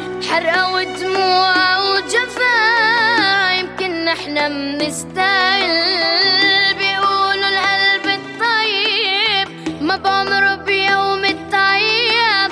مشكلته إنه بيعرف يعطي كتير وما بيطلب. ليش الأسى اللي بيمرق. الغلط معليش أنا رح سامح إلا ما يجي الوقت. تعودني الدنيا بالأحسن غني أجمل تتلحن. وقلبي يرجع له نبضه وقلبك نفسه يلتقي. أنا مش قصدي اتشفى هيدا اسمه عدل الدنيا. اوجاعك ما رح اتدافى لليوم ولا بعد سنة أنا شو صاير علي؟ راجع أقوى من زمان والنار اللي حرقت قلبي صارت في مراحل دخان. لو بدك ارجع سامح هيدا القرار النحا. وحتى لو مرة رح سامح هيدي ضحكي عاللحا انت أستاذ التخلي وعيني صعب تعود تملي وإن سامحتك شي يوم حظك ببقى في السماء.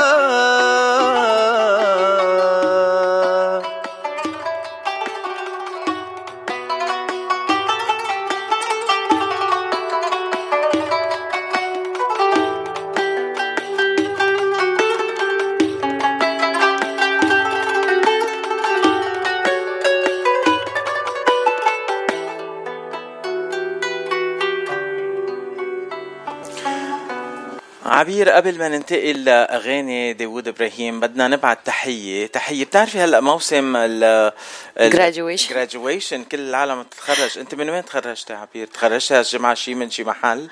آه. مدرسة الحب؟ أكيد. أكيد. نعم.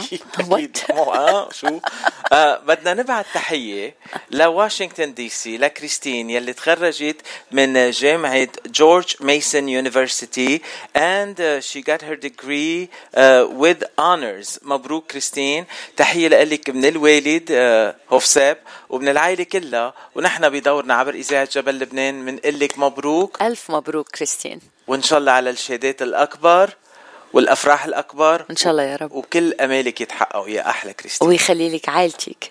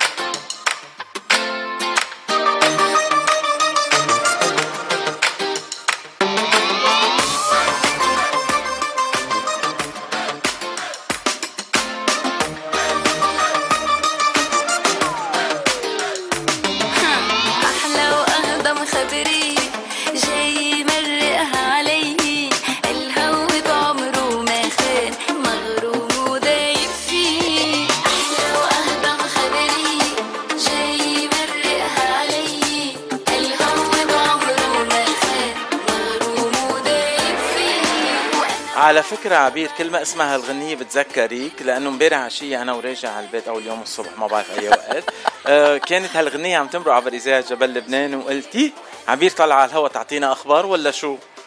ولا شو كل ولا موضوع شو. ولا شو آه، اليوم الأخبار وللأسف رح نبتدي فقرة خبرية وغنية بخبر مش كتير حلو بس مثل الكل صار أنه آه، رحل عنا الفنان المصري فينا نقول الشامل آه، سمير صبري. صباح يوم الجمعة 20 أيار عن عمر ناهز ال 85 عاما. آه، وسمير صبري الفنان المصري الشامل من مواليد 27 كانون الثاني 36 وكان تعرض لأزمة صحية بإشباط الماضي. دخل على أثر المستشفى وفرقنا إلى ديار الحق أو فرقنا لمكان أفضل مثل ما أنا وفاتشي نؤمن نهار الجمعة 20 أيار. فحابين نقدم فقرة صغيرة كتير هيك آه، تحية لروحه للفنان سمير صبري لنحكي عن أعماله ومسيرته الفنية الكبيرة. نبتدي أنا وفاتشي لنقول إنه سمير صبري كان آه، مقدم برامج. كنت عارف هالشي يا فاتشي؟ آه، أنا مقدم برامج معه. واي أم، عرف سمير صبري ببداياته بالإذاعة الإنجليزية فينا نقول. هيك كانت بداية هذا الفنان المصري الشامل. أه، مثل ما ذكرنا خلق ب 27 ديسمبر. وهو أه، فرقنا من يومين بس. للأسف للأسف يمكن ما كان عنده دور بطولي رائد كل هالمسيرة الفنية اللي امتدت على آه، عشرات السنين بس سمير صبري لمع آه، إذاعيا وتلفزيونيا وبالسينما وبك كثير من المجالات الفنية. بحصيلة سمير صبري أكثر من 200 عمل. آه عم نحكي عن مسرحيات مثل العبيط يا إحنا يا هي قطط الشوارع. عم نحكي عن مسلسلات إذاعية مثل العسل المر أيام معه. آه شامبو في المصيدة أرجوك لا تفهمني بسرعة. آه شجرة اسمها الود. آه رجال صنعوا الحضارة. الوسادة ما زالت خالية. آه عوام على بر الهوى عالم رغم أنفه. لطيف زمانه وبرنامج ذكرياته ذكرياتي. آه كمان لما آه نجم سمير صبري بالفوازير بال 94 سنة التس- 1994 بفوازير إحنا فين سنة 1997 مشاهير الدلتا. آه كمان عرف عنه إنه مقدم برامج لامع مثل هذا المساء النادي الدولي آه من غير كلام بدون كلام كان زمان ليلى في شارع الفن آه وكتير أعمال غيرها. وطبعا لازم نتجه للسينما وكان له حصة كتير كبيرة مع أفلام كتير كتيرة آه لسمير صبري مشاركات فنية مثل الكروان له شفايف. شباب مجنون جدا معسكر البنات يوم في السجن رحلة الأيام سيقان في الوحل آه عالم عيال عيال. كتير مهضوم هالموفي إذا ما بعرف شفته يا باتشي ولا لا. عدو المرأة جحيم تحت الماء جحيم اثنين خيانة اللعب بالنار آه الراهبة المذنبون الاتهام آه هو والنساء وبالوالدين إحسانا.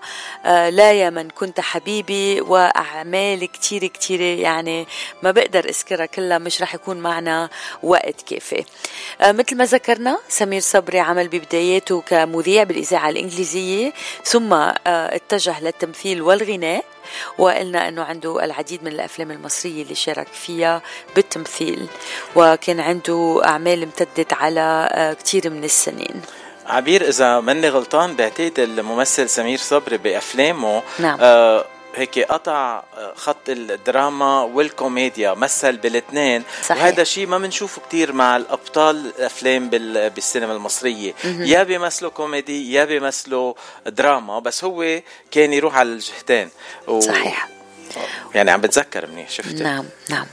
آه، تحية لروح آه، سمير صبري. وفاتشي وأنا حبينا نسمع المستمعين يلي مش سامعين صوته لسمير صبري بأغنية مهضومة لإله. بسمع منها مقطع اسمها الله الله. يا فاتشي شو رأيك؟ مزبوط من كلمات مدحت العدل وألحان وتوزيع فاروق الشرنوبي. نسمع سمير صبري بغنية الله الله.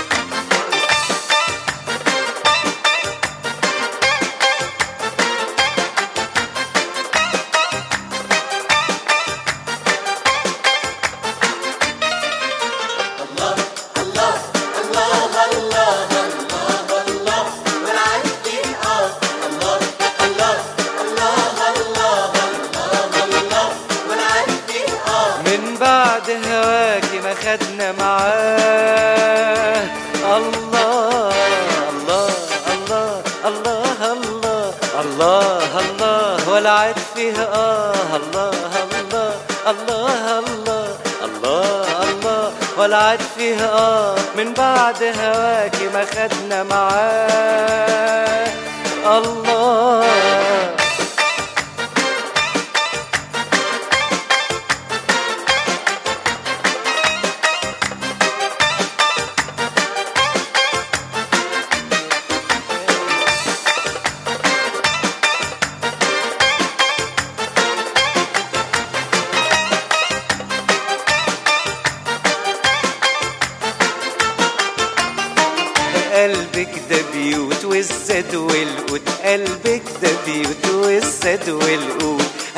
بعشق موت كل ما فيكي. كل ما فيكي. حتى الأحزان تشتد يبان حتى الأحزان تشتد يبان للفرح مكان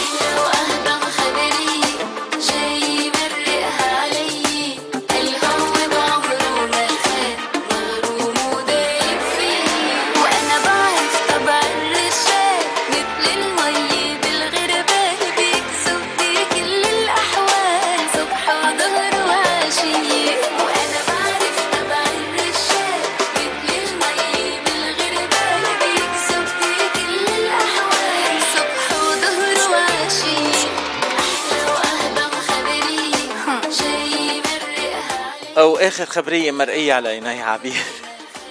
بدي أعتذر منك بس من كل المستمعين اليوم خبرية وغنية مش اهضم بدي أعتذر من هيفا وهبي كمان مش كتير اهضم خبرية شوي حزينة للفنان آه، سمير صبري بس كلنا على هالدرب. وهلا الخبرية كمان يعني أعذروني كلكم أنا أخذ الموضوع بكتير جدية بس الخبرية بت- بتفزع شوي. ستوكر لمين؟ The one and only Kim أنا؟ Kardashian. آه خمنت لإلي. Kim Kardashian. إيه آه، لل- للمستمعين يلي ما بيعرفوا كيم بتقربني كتير وعبير تعرفت عليها لأنه من العائلة كيم. ما هيك؟ إيه وصرنا كتير أصحاب نحن إيه. يعني fake news fake news fake news عليه كذاب. أنا للأسف للاسف عم نحكي عن كيم كارداشيان وال stalker الجديد بحياتها. آه، لأنه تهددت بإشياء مش كتير منيحة. الفنانة مش الفنانة فينا نقول النجمة التلفزي- التلفزيونية تحديدا نجمة تلفزيون الواقع وفينا نقول ال ex-wife لا لمين؟ كانيا ويست كانيا ويست آه، تقدمت ما كان سهر سهر العائلة ولو أكيد بدي. أعرفه. تقدمت آه، نجمة تلفزيون الواقع كيم كارداشيان واللي هي الغنية عن التعريف بشكوى ضد معجب مهووس أو بنسميه نحن stalker للأسف هددها بتفجيرها وذلك من خلال رسالة لقتها كيم كارداشيان. وهالشي طبعا أشعرها بالخوف ودفعها للجوء للشرطة أو للقضاء لنقول. أكدت كيم كارداشيان أنها عم تتخذ تلك التهديدات بكامل الجدية خاصة بعد أن أصبحت أم لأربع أطفال. أحدث هالخبر ضجة كتير كبيرة بين المتابعين اللي تناقلوا عبر صفحاتهم الخاصة وعبروا عن قلقهم الشديد على آه، كارداشيان كيم كارداشيان وطلبوا الشرطة أنها تتحرك بأسرع وقت ممكن. وكانت قد تداول الرواد الصورة جديدة لكيم كارداشيان عبر صفحاتهم الخاصة حيث ظهرت كيم بالصورة بدون مكياج ما أثار دهشة المتابعين وطبعا انصدموا للاختلاف الكبير بين شكلها ومع وبدون مكياج. هذا موضوع آخر خلينا نقول. وطبعا حيظهر هالشي بعض العيوب بوجهها. يعني الكل بيعرف إنه بدون وبعد المكياج مشكلة. فبنتمنى السلامة لكيم كارداشيان. والله يبعد كل ال stalkers عن مين ما كان خاصة عنك بتشي. لما تمشي عالرصيف هيدا ناصح هيدا ضعيف. يلحقوني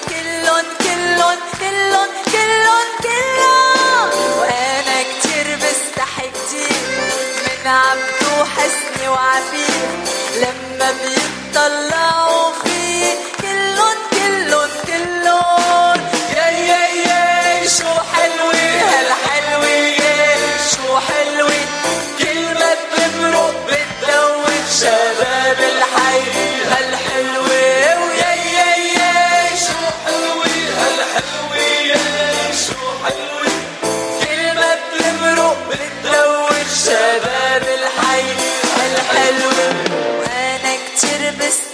كتير من عبدو حسني وعفيف شو دارش اسمن طلاري كلن كلن كلن ما بعرفها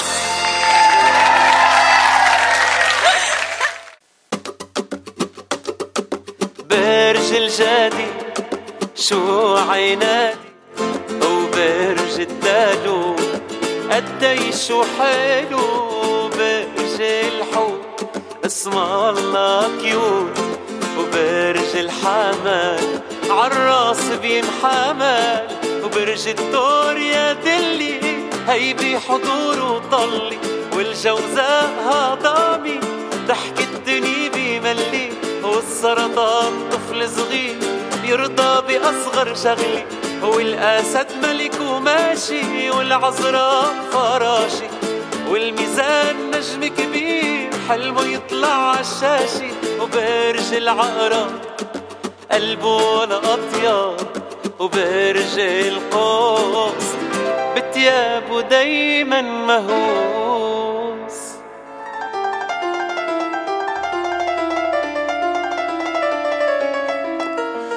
كذب بلوتو ولو صدق.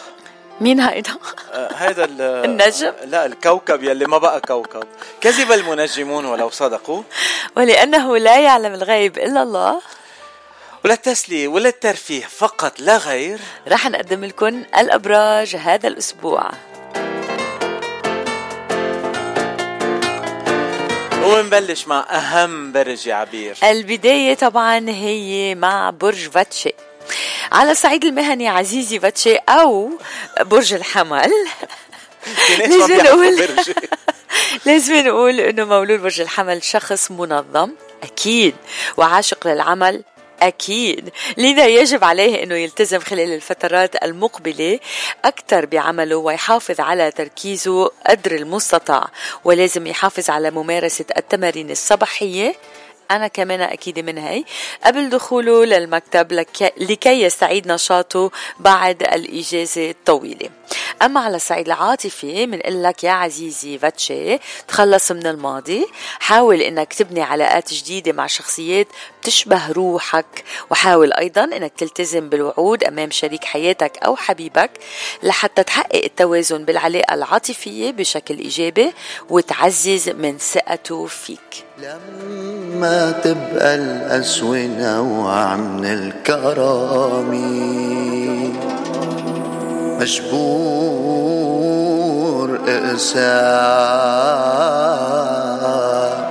سامحيني عالقسوة سالف مجبور هلأ وقف مع جروحي طرف. بعرف عندي ماضي ونقط سودا ما بتنعد. وإني عامل إشياء ما سمعت عنها بعد. بعرف عندي ماضي ونقط سودا ما بتنعد. وإني عامل إشياء ما سمعت عنها بعد.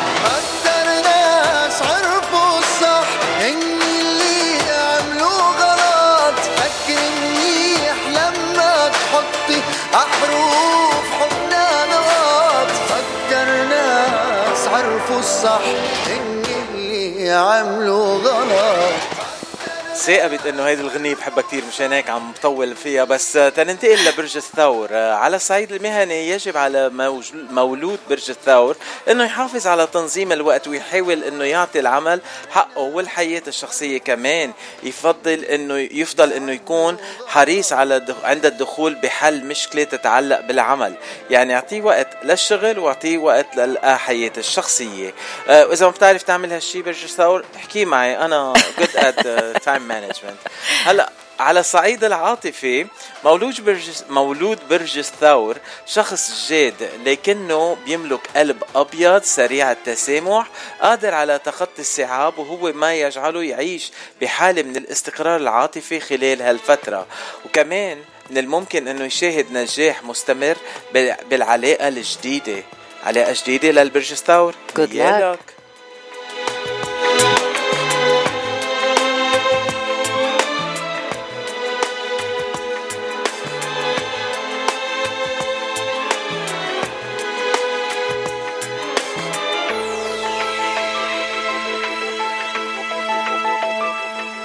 بعدك متل ما كنت بعدك متل ما انت. روحك حلو وقلبك طيب منيح اللي بعدك انت منيح اللي بعدك انت. كتر خيرك عامل طيب بعدك متل ما كنت بعدك متل ما انت. روحك حلو وقلبك طيب منيح اللي بعدك انت. منيح اللي بعدك إنت كتر خيرك عامل طيب. بعدك بقلبي عنوان المحبة ونياله هالقلب بعدك القصة ما خلصت بنصها ولا جرحت هالقلب. كتر خيرك عامل طيب باقي على كنت عبير أنت الخبيره عن الأبراج. إذا شخص خلقان اليوم واليوم عيد ميلاده شو بيكون برجه؟ المفروض happy birthday جوزاء المفروض. ماني كتير خبيرة بس بعتقد هيك. طيب عندنا happy birthday بدنا نقول happy birthday لنشتاه يلي اليوم عيد ميلاده. Happy بس. ما قالوا لنا قد إيه صار عمره. عقبال ال 100 سنة حبيبنا نشتاه وبعتقد هو كمان بواشنطن دي سي. تحية لك وبنحبك قد الدنيا. في في غني له أغنية بحبها كتير. عم بسمعها ليتلي يلا. تحية لنصر الغالي يلا. عم تصغر معنا سنين. لحظة لحظة. وبجودك تحلى الدنيا. عم تصغر معنا سنين. بوجودك تحلى الدنيا. من بتشي وعبير. لمين؟ نشتاه عقبال المية سنة بعدك متل ما انت روحك حلو أو خلينا نرجع الأبراج بلا ما نغني عبير بليز برج الجوزاء عليك الحرص من أي شخص غريب عنك ولا تثق به بسهولة خاصة بالأمور المالية أو المهنية إلا بعد أن يثبت حسن نيته على الصعيد المهني حتى تحمي أموالك وأعمالك من أي خسارة قد تقترب منك. أما على الصعيد العاطفي عزيزي الجوزاء من لك أنه انشغالك الكثير بعملك طوال الأسبوع أو طوال الأيام بالأسبوع قد تنسيك اهتمامك بشريك حياتك أو حبيبك. لازم نذكرك أنه عليك الاهتمام به بدرجة كبيرة لأنه هو من يدعمك. وقت أنك تكون بأي ضائقة وعليك أنك تقدره وتحتويه بالقدر الكافي. أكتر شوية واسأل عليا أكتر شوية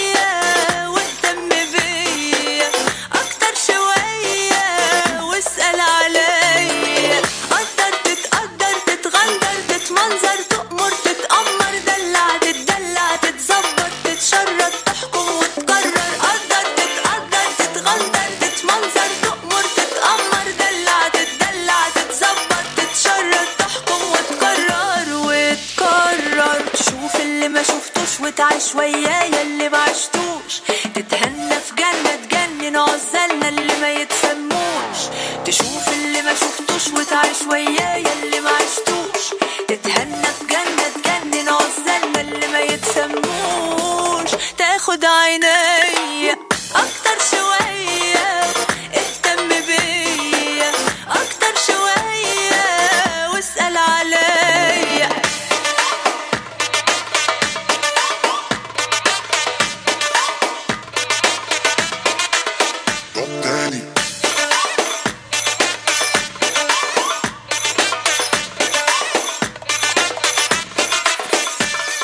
قبل ما ننتقل لبرج السرطان خبر سريع وردنا من مستمع إنه اليوم حاز لاعب الكرة المصري صلاح على الحذاء الذهبي بالمنتخب الإنجليزي لأنه سجل أكثر حذاء ذهبي هيك إيه. اسمه؟ wow nice.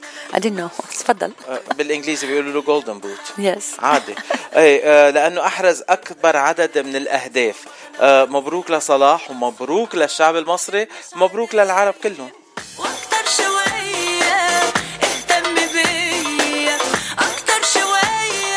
وهلا بننتقل لبرج السرطان، برج السرطان على الصعيد المهني حاول إنه تكون دقيق بعملك وعليك إنه تعمل على كل شيء بحكمة وإنجز أعمالك بسرعة حتى إنه ما تتراكم عليك بنهاية الأسبوع، وكن صريح إن آه، إذا ارتكبت أي خطأ حتى لو كان صغير، حتى ما يحدث معك ما ي... لا يحمد عقباه، يعني بعدين بيكمشوك وبتكبر القصة كتير كتير كتير. على الصعيد العاطفي عزيز السرطان آه شو بنقول لك على الصعيد العاطفي؟ يوجد حولك من يريد إنه يراك على طبيعتك بشكل كبير آه عكس بعض الأشخاص. فقد تفكر في الذين بيحبوك ورح تكتشف شريك حياتك بيناتهم هدول الأشخاص. لتبدأ خطوة جديدة بحياتك العاطفية. مبروك عزيز السرطان.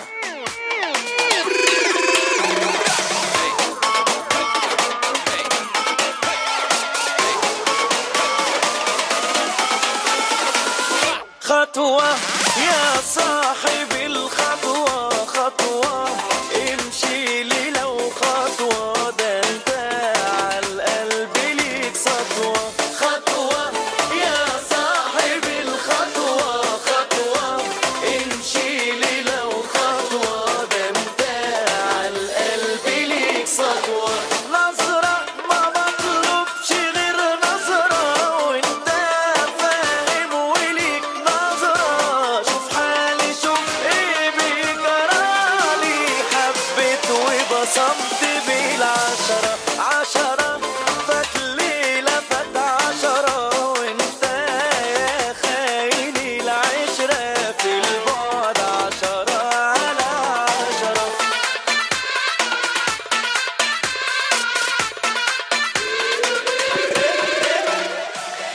عزيزي الأسد على الصعيد المهني منقول أنه يجب على مولود برج الأسد أنه يسعى من أجل تنظيم وقته والفصل ما بين العمل والحياة الشخصية.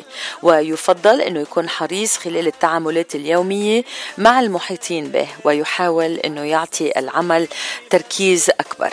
أما على الصعيد العاطفي فمولود برج الأسد آه، يعرف أنه شخص عاطفي يمتلك قدر كبير من العاطفة خلال التعاملات اليومية ولكن عليه أحيانا أنه يتعامل بالعقل ويبتعد عن سيطرة المشاعر والعواطف على النظرة العقلانية تجاه حبيبه أو شريكه.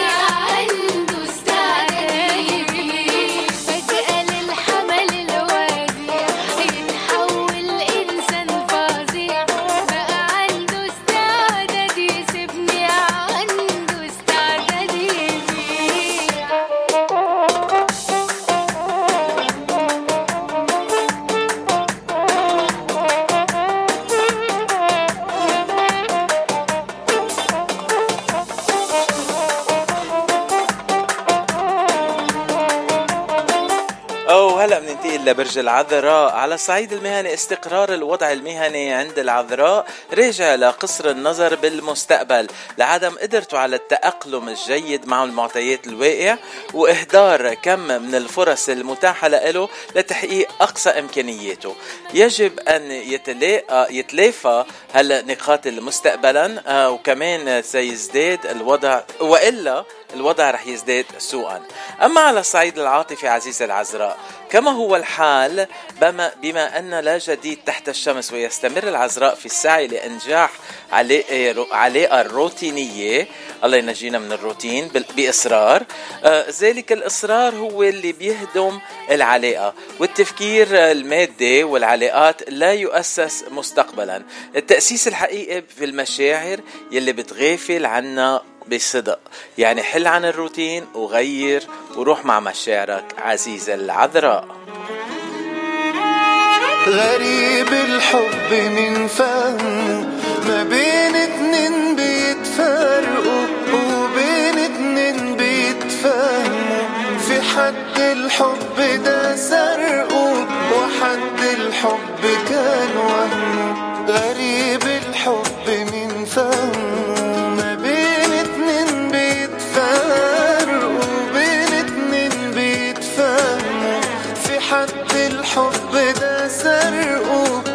وحد الحب كان وهمه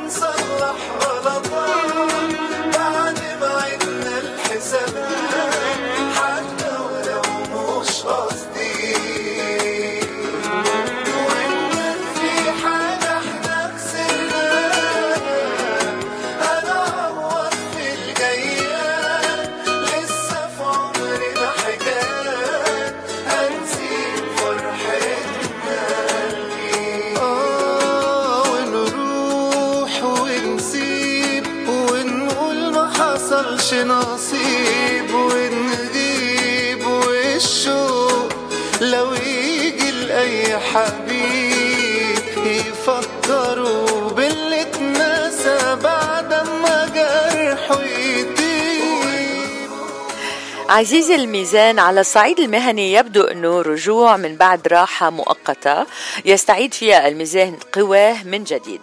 فترة أتاحت له الفرصة لإعادة النظر بالقرارات الهامة التي سيتم اتخاذها مع محاولة تقليص عدد ساعات العمل والعمل بكفاءة بوقت أقل للاستفادة. أما على الصعيد العاطفي فالتحسن الحالي المزاجي والعاطفي لبرج الميزان هو لنتيجة الفترة السابقة. ولكن يسعى الميزان لزيادة تلك الفترة بالمستقبل كمحاولة جدية للراحة والسعادة مع المقربين منه. وستستطيع عزيزي الميزان النجاح بتحقيق هالشي بنسبة كبيرة. حبيبي يا نور العين يا ساكن خيالي. عاشق بقالي سنين ولا غيرك في بالي. حبيبي يا نور العين يا ساكن خيالي. عاشق بقالي سنين ولا غيرك في بالي.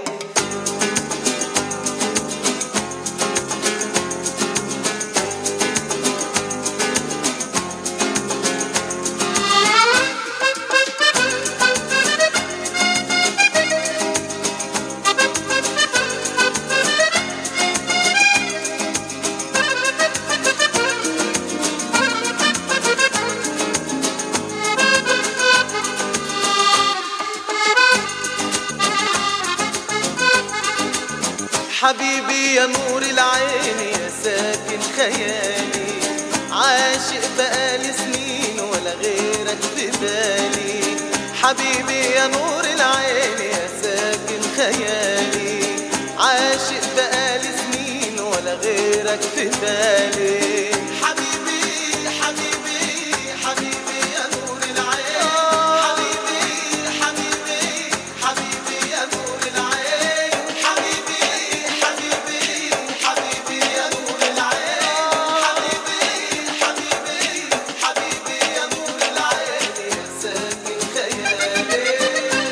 قبل شوي قبل شوي حكيت عن الروتين وكمان رح أحكي هالمرة عن الروتين بس هالمرة لبرج العقرب عندك القدرة لتخطي الروتين اليومي اللي بتشعر فيه خلال عملك.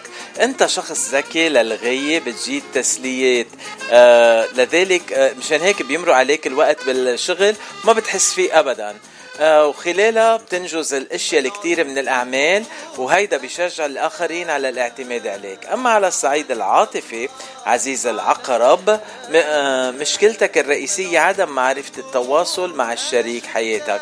يعني احكي معهم بليز آه، فالطريقة اللي بتعبر بها عن حبك غير واضحة بالنسبة لإلهم وذلك آه، رد الفعل عليه بيكون ما ما عم بيرضيك. واللي كنت بتتمناه انتظاره وهو اللي بيجعل الفجوة بينكم تزداد تفاقما وأكبر وأكبر قوة.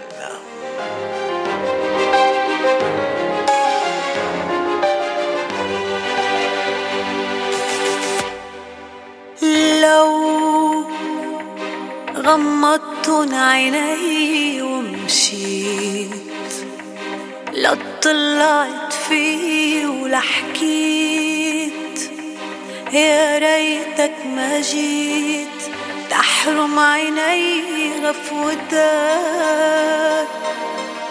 تلعب الصدفة لعبتها يا ريتني يا ريتني يا ريتني ما كنت لحظتها مثل الكأن عيونك صار لي بعرفها. عمره كأني ما دقت طعم العمر. هبت مشاعر ما كنت أعرف أوصفها. غلت ما بين العتم وخيال الضجر صعب الخيانة كتير بعيون الوفا. وحده شعور الذنب بيعرف شو بني.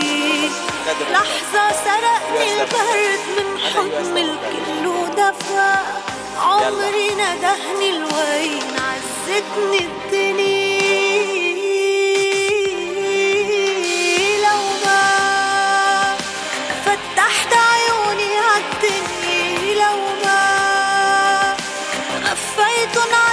أجمل قصة يوما لا صحيت ولا عرفت القوم لا بكيت ولا ضحكت بيوم ولا أوهامي حلمت فيك بنومة. برج قوس على صعيد المهني عليك التفكير قبل أن تأخذ أي قرار بالعمل وقبل أن تخطو خطوة واحدة. وإذا كنت بتنوي الانتقال لبلد تاني عليك التريث والتفكير بأسرتك جيدا. وتدرس هل جو هذا البلد سيكون ملائم لإلك ولعائلتك أم لا. أما على الصعيد العاطفي فقد تبحث خلال الفترة القادمة على نصك الثاني عزيزي القوس. شو حلوة حلوة حلوة البحث ولكن بذات الوقت عليك التريث والبحث بحكمة شديدة. أهم شيء هو انجذاب الروح وسوف تجد التفاهم والحب والرومانسية الذي طالما كنت تفتش أو تبحث عنهم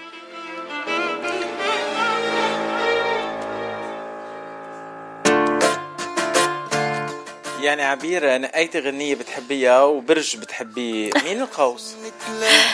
سران القوس ننساهن بعد الغلقة وناس منتلاقى فيهن بتعز علينا الفرقة وناس منترافق عدروب نحن وياهن مندوب ومين بيعرف شو المكتوب من فارق ولا منبقى ناس منتلاقى فيهن ننساهن بعد الملقى ناس منتلاقى فيهن بتعز علينا الفرقة وناس مترافق عدروب نحن وياهم مندوب ومين بيعرف شو مكتوب من فارق ولا منبقى هيدا القلب وحكم القلب هو بيختار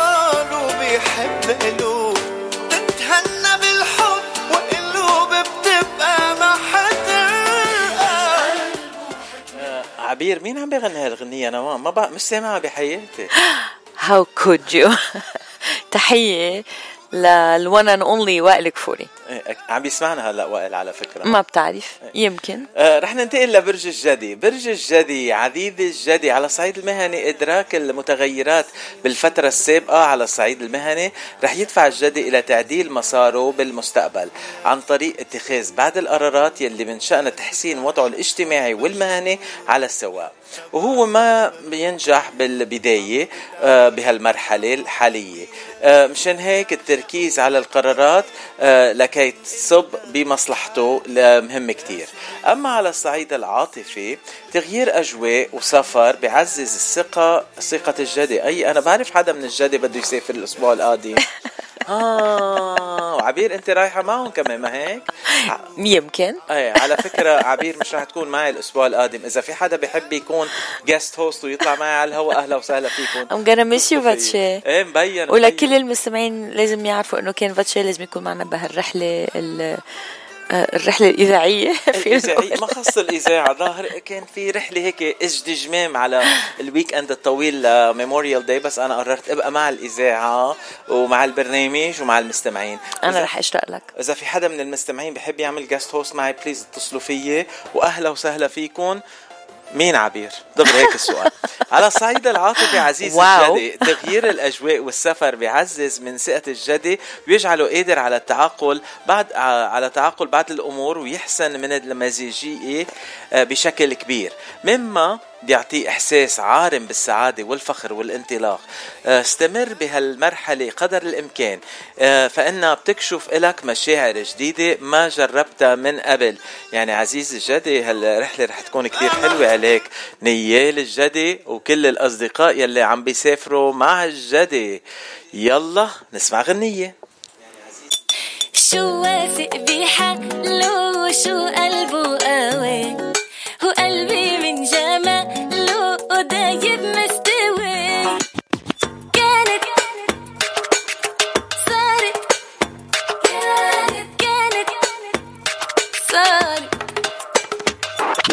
شو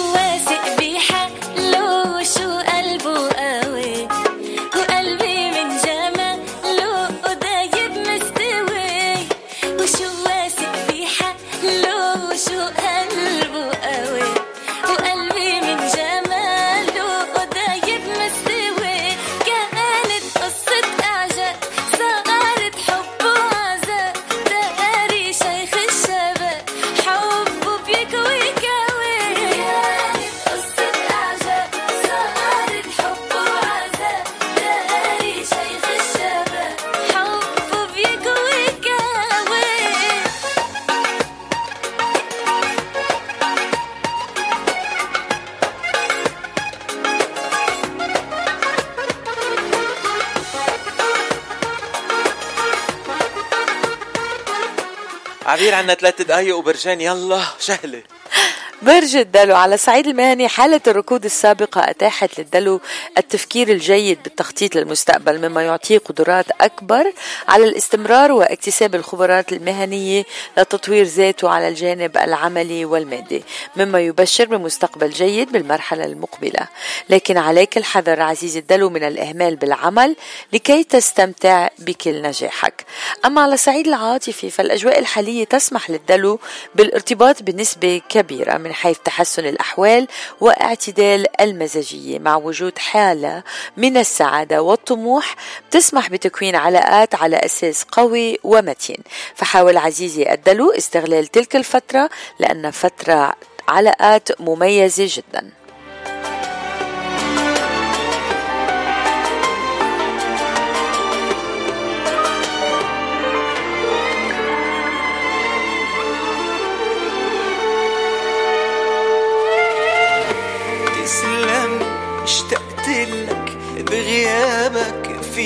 شو صار سامحني قلت لك أنا عشت النار. تسلم لي اشتقت لك بغيابك في شو صار سامحني قلت لك أنا عشت النار. أنت وبعيد أنا ببقى وحيد. وعم اعد دقايق بعدك عني.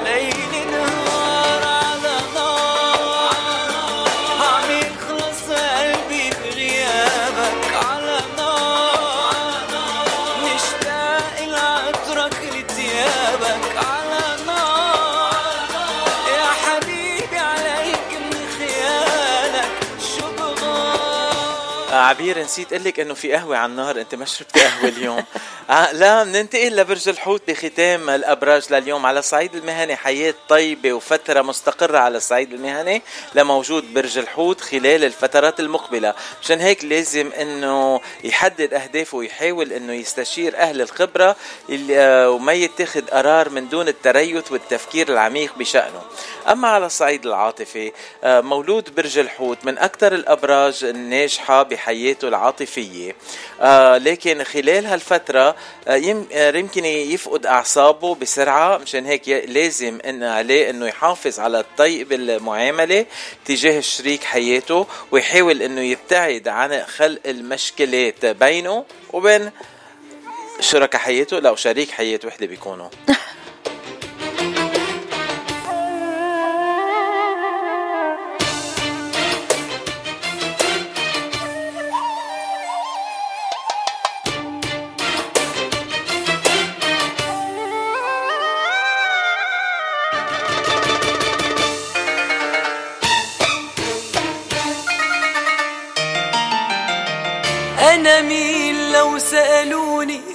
أنا مين بقلن أنت؟ أنا من ضلعك شالوني من يوم اللي تكونت أنا مين؟ أنا فاتشي وأنا عبير. أنا مين بقلن أنت؟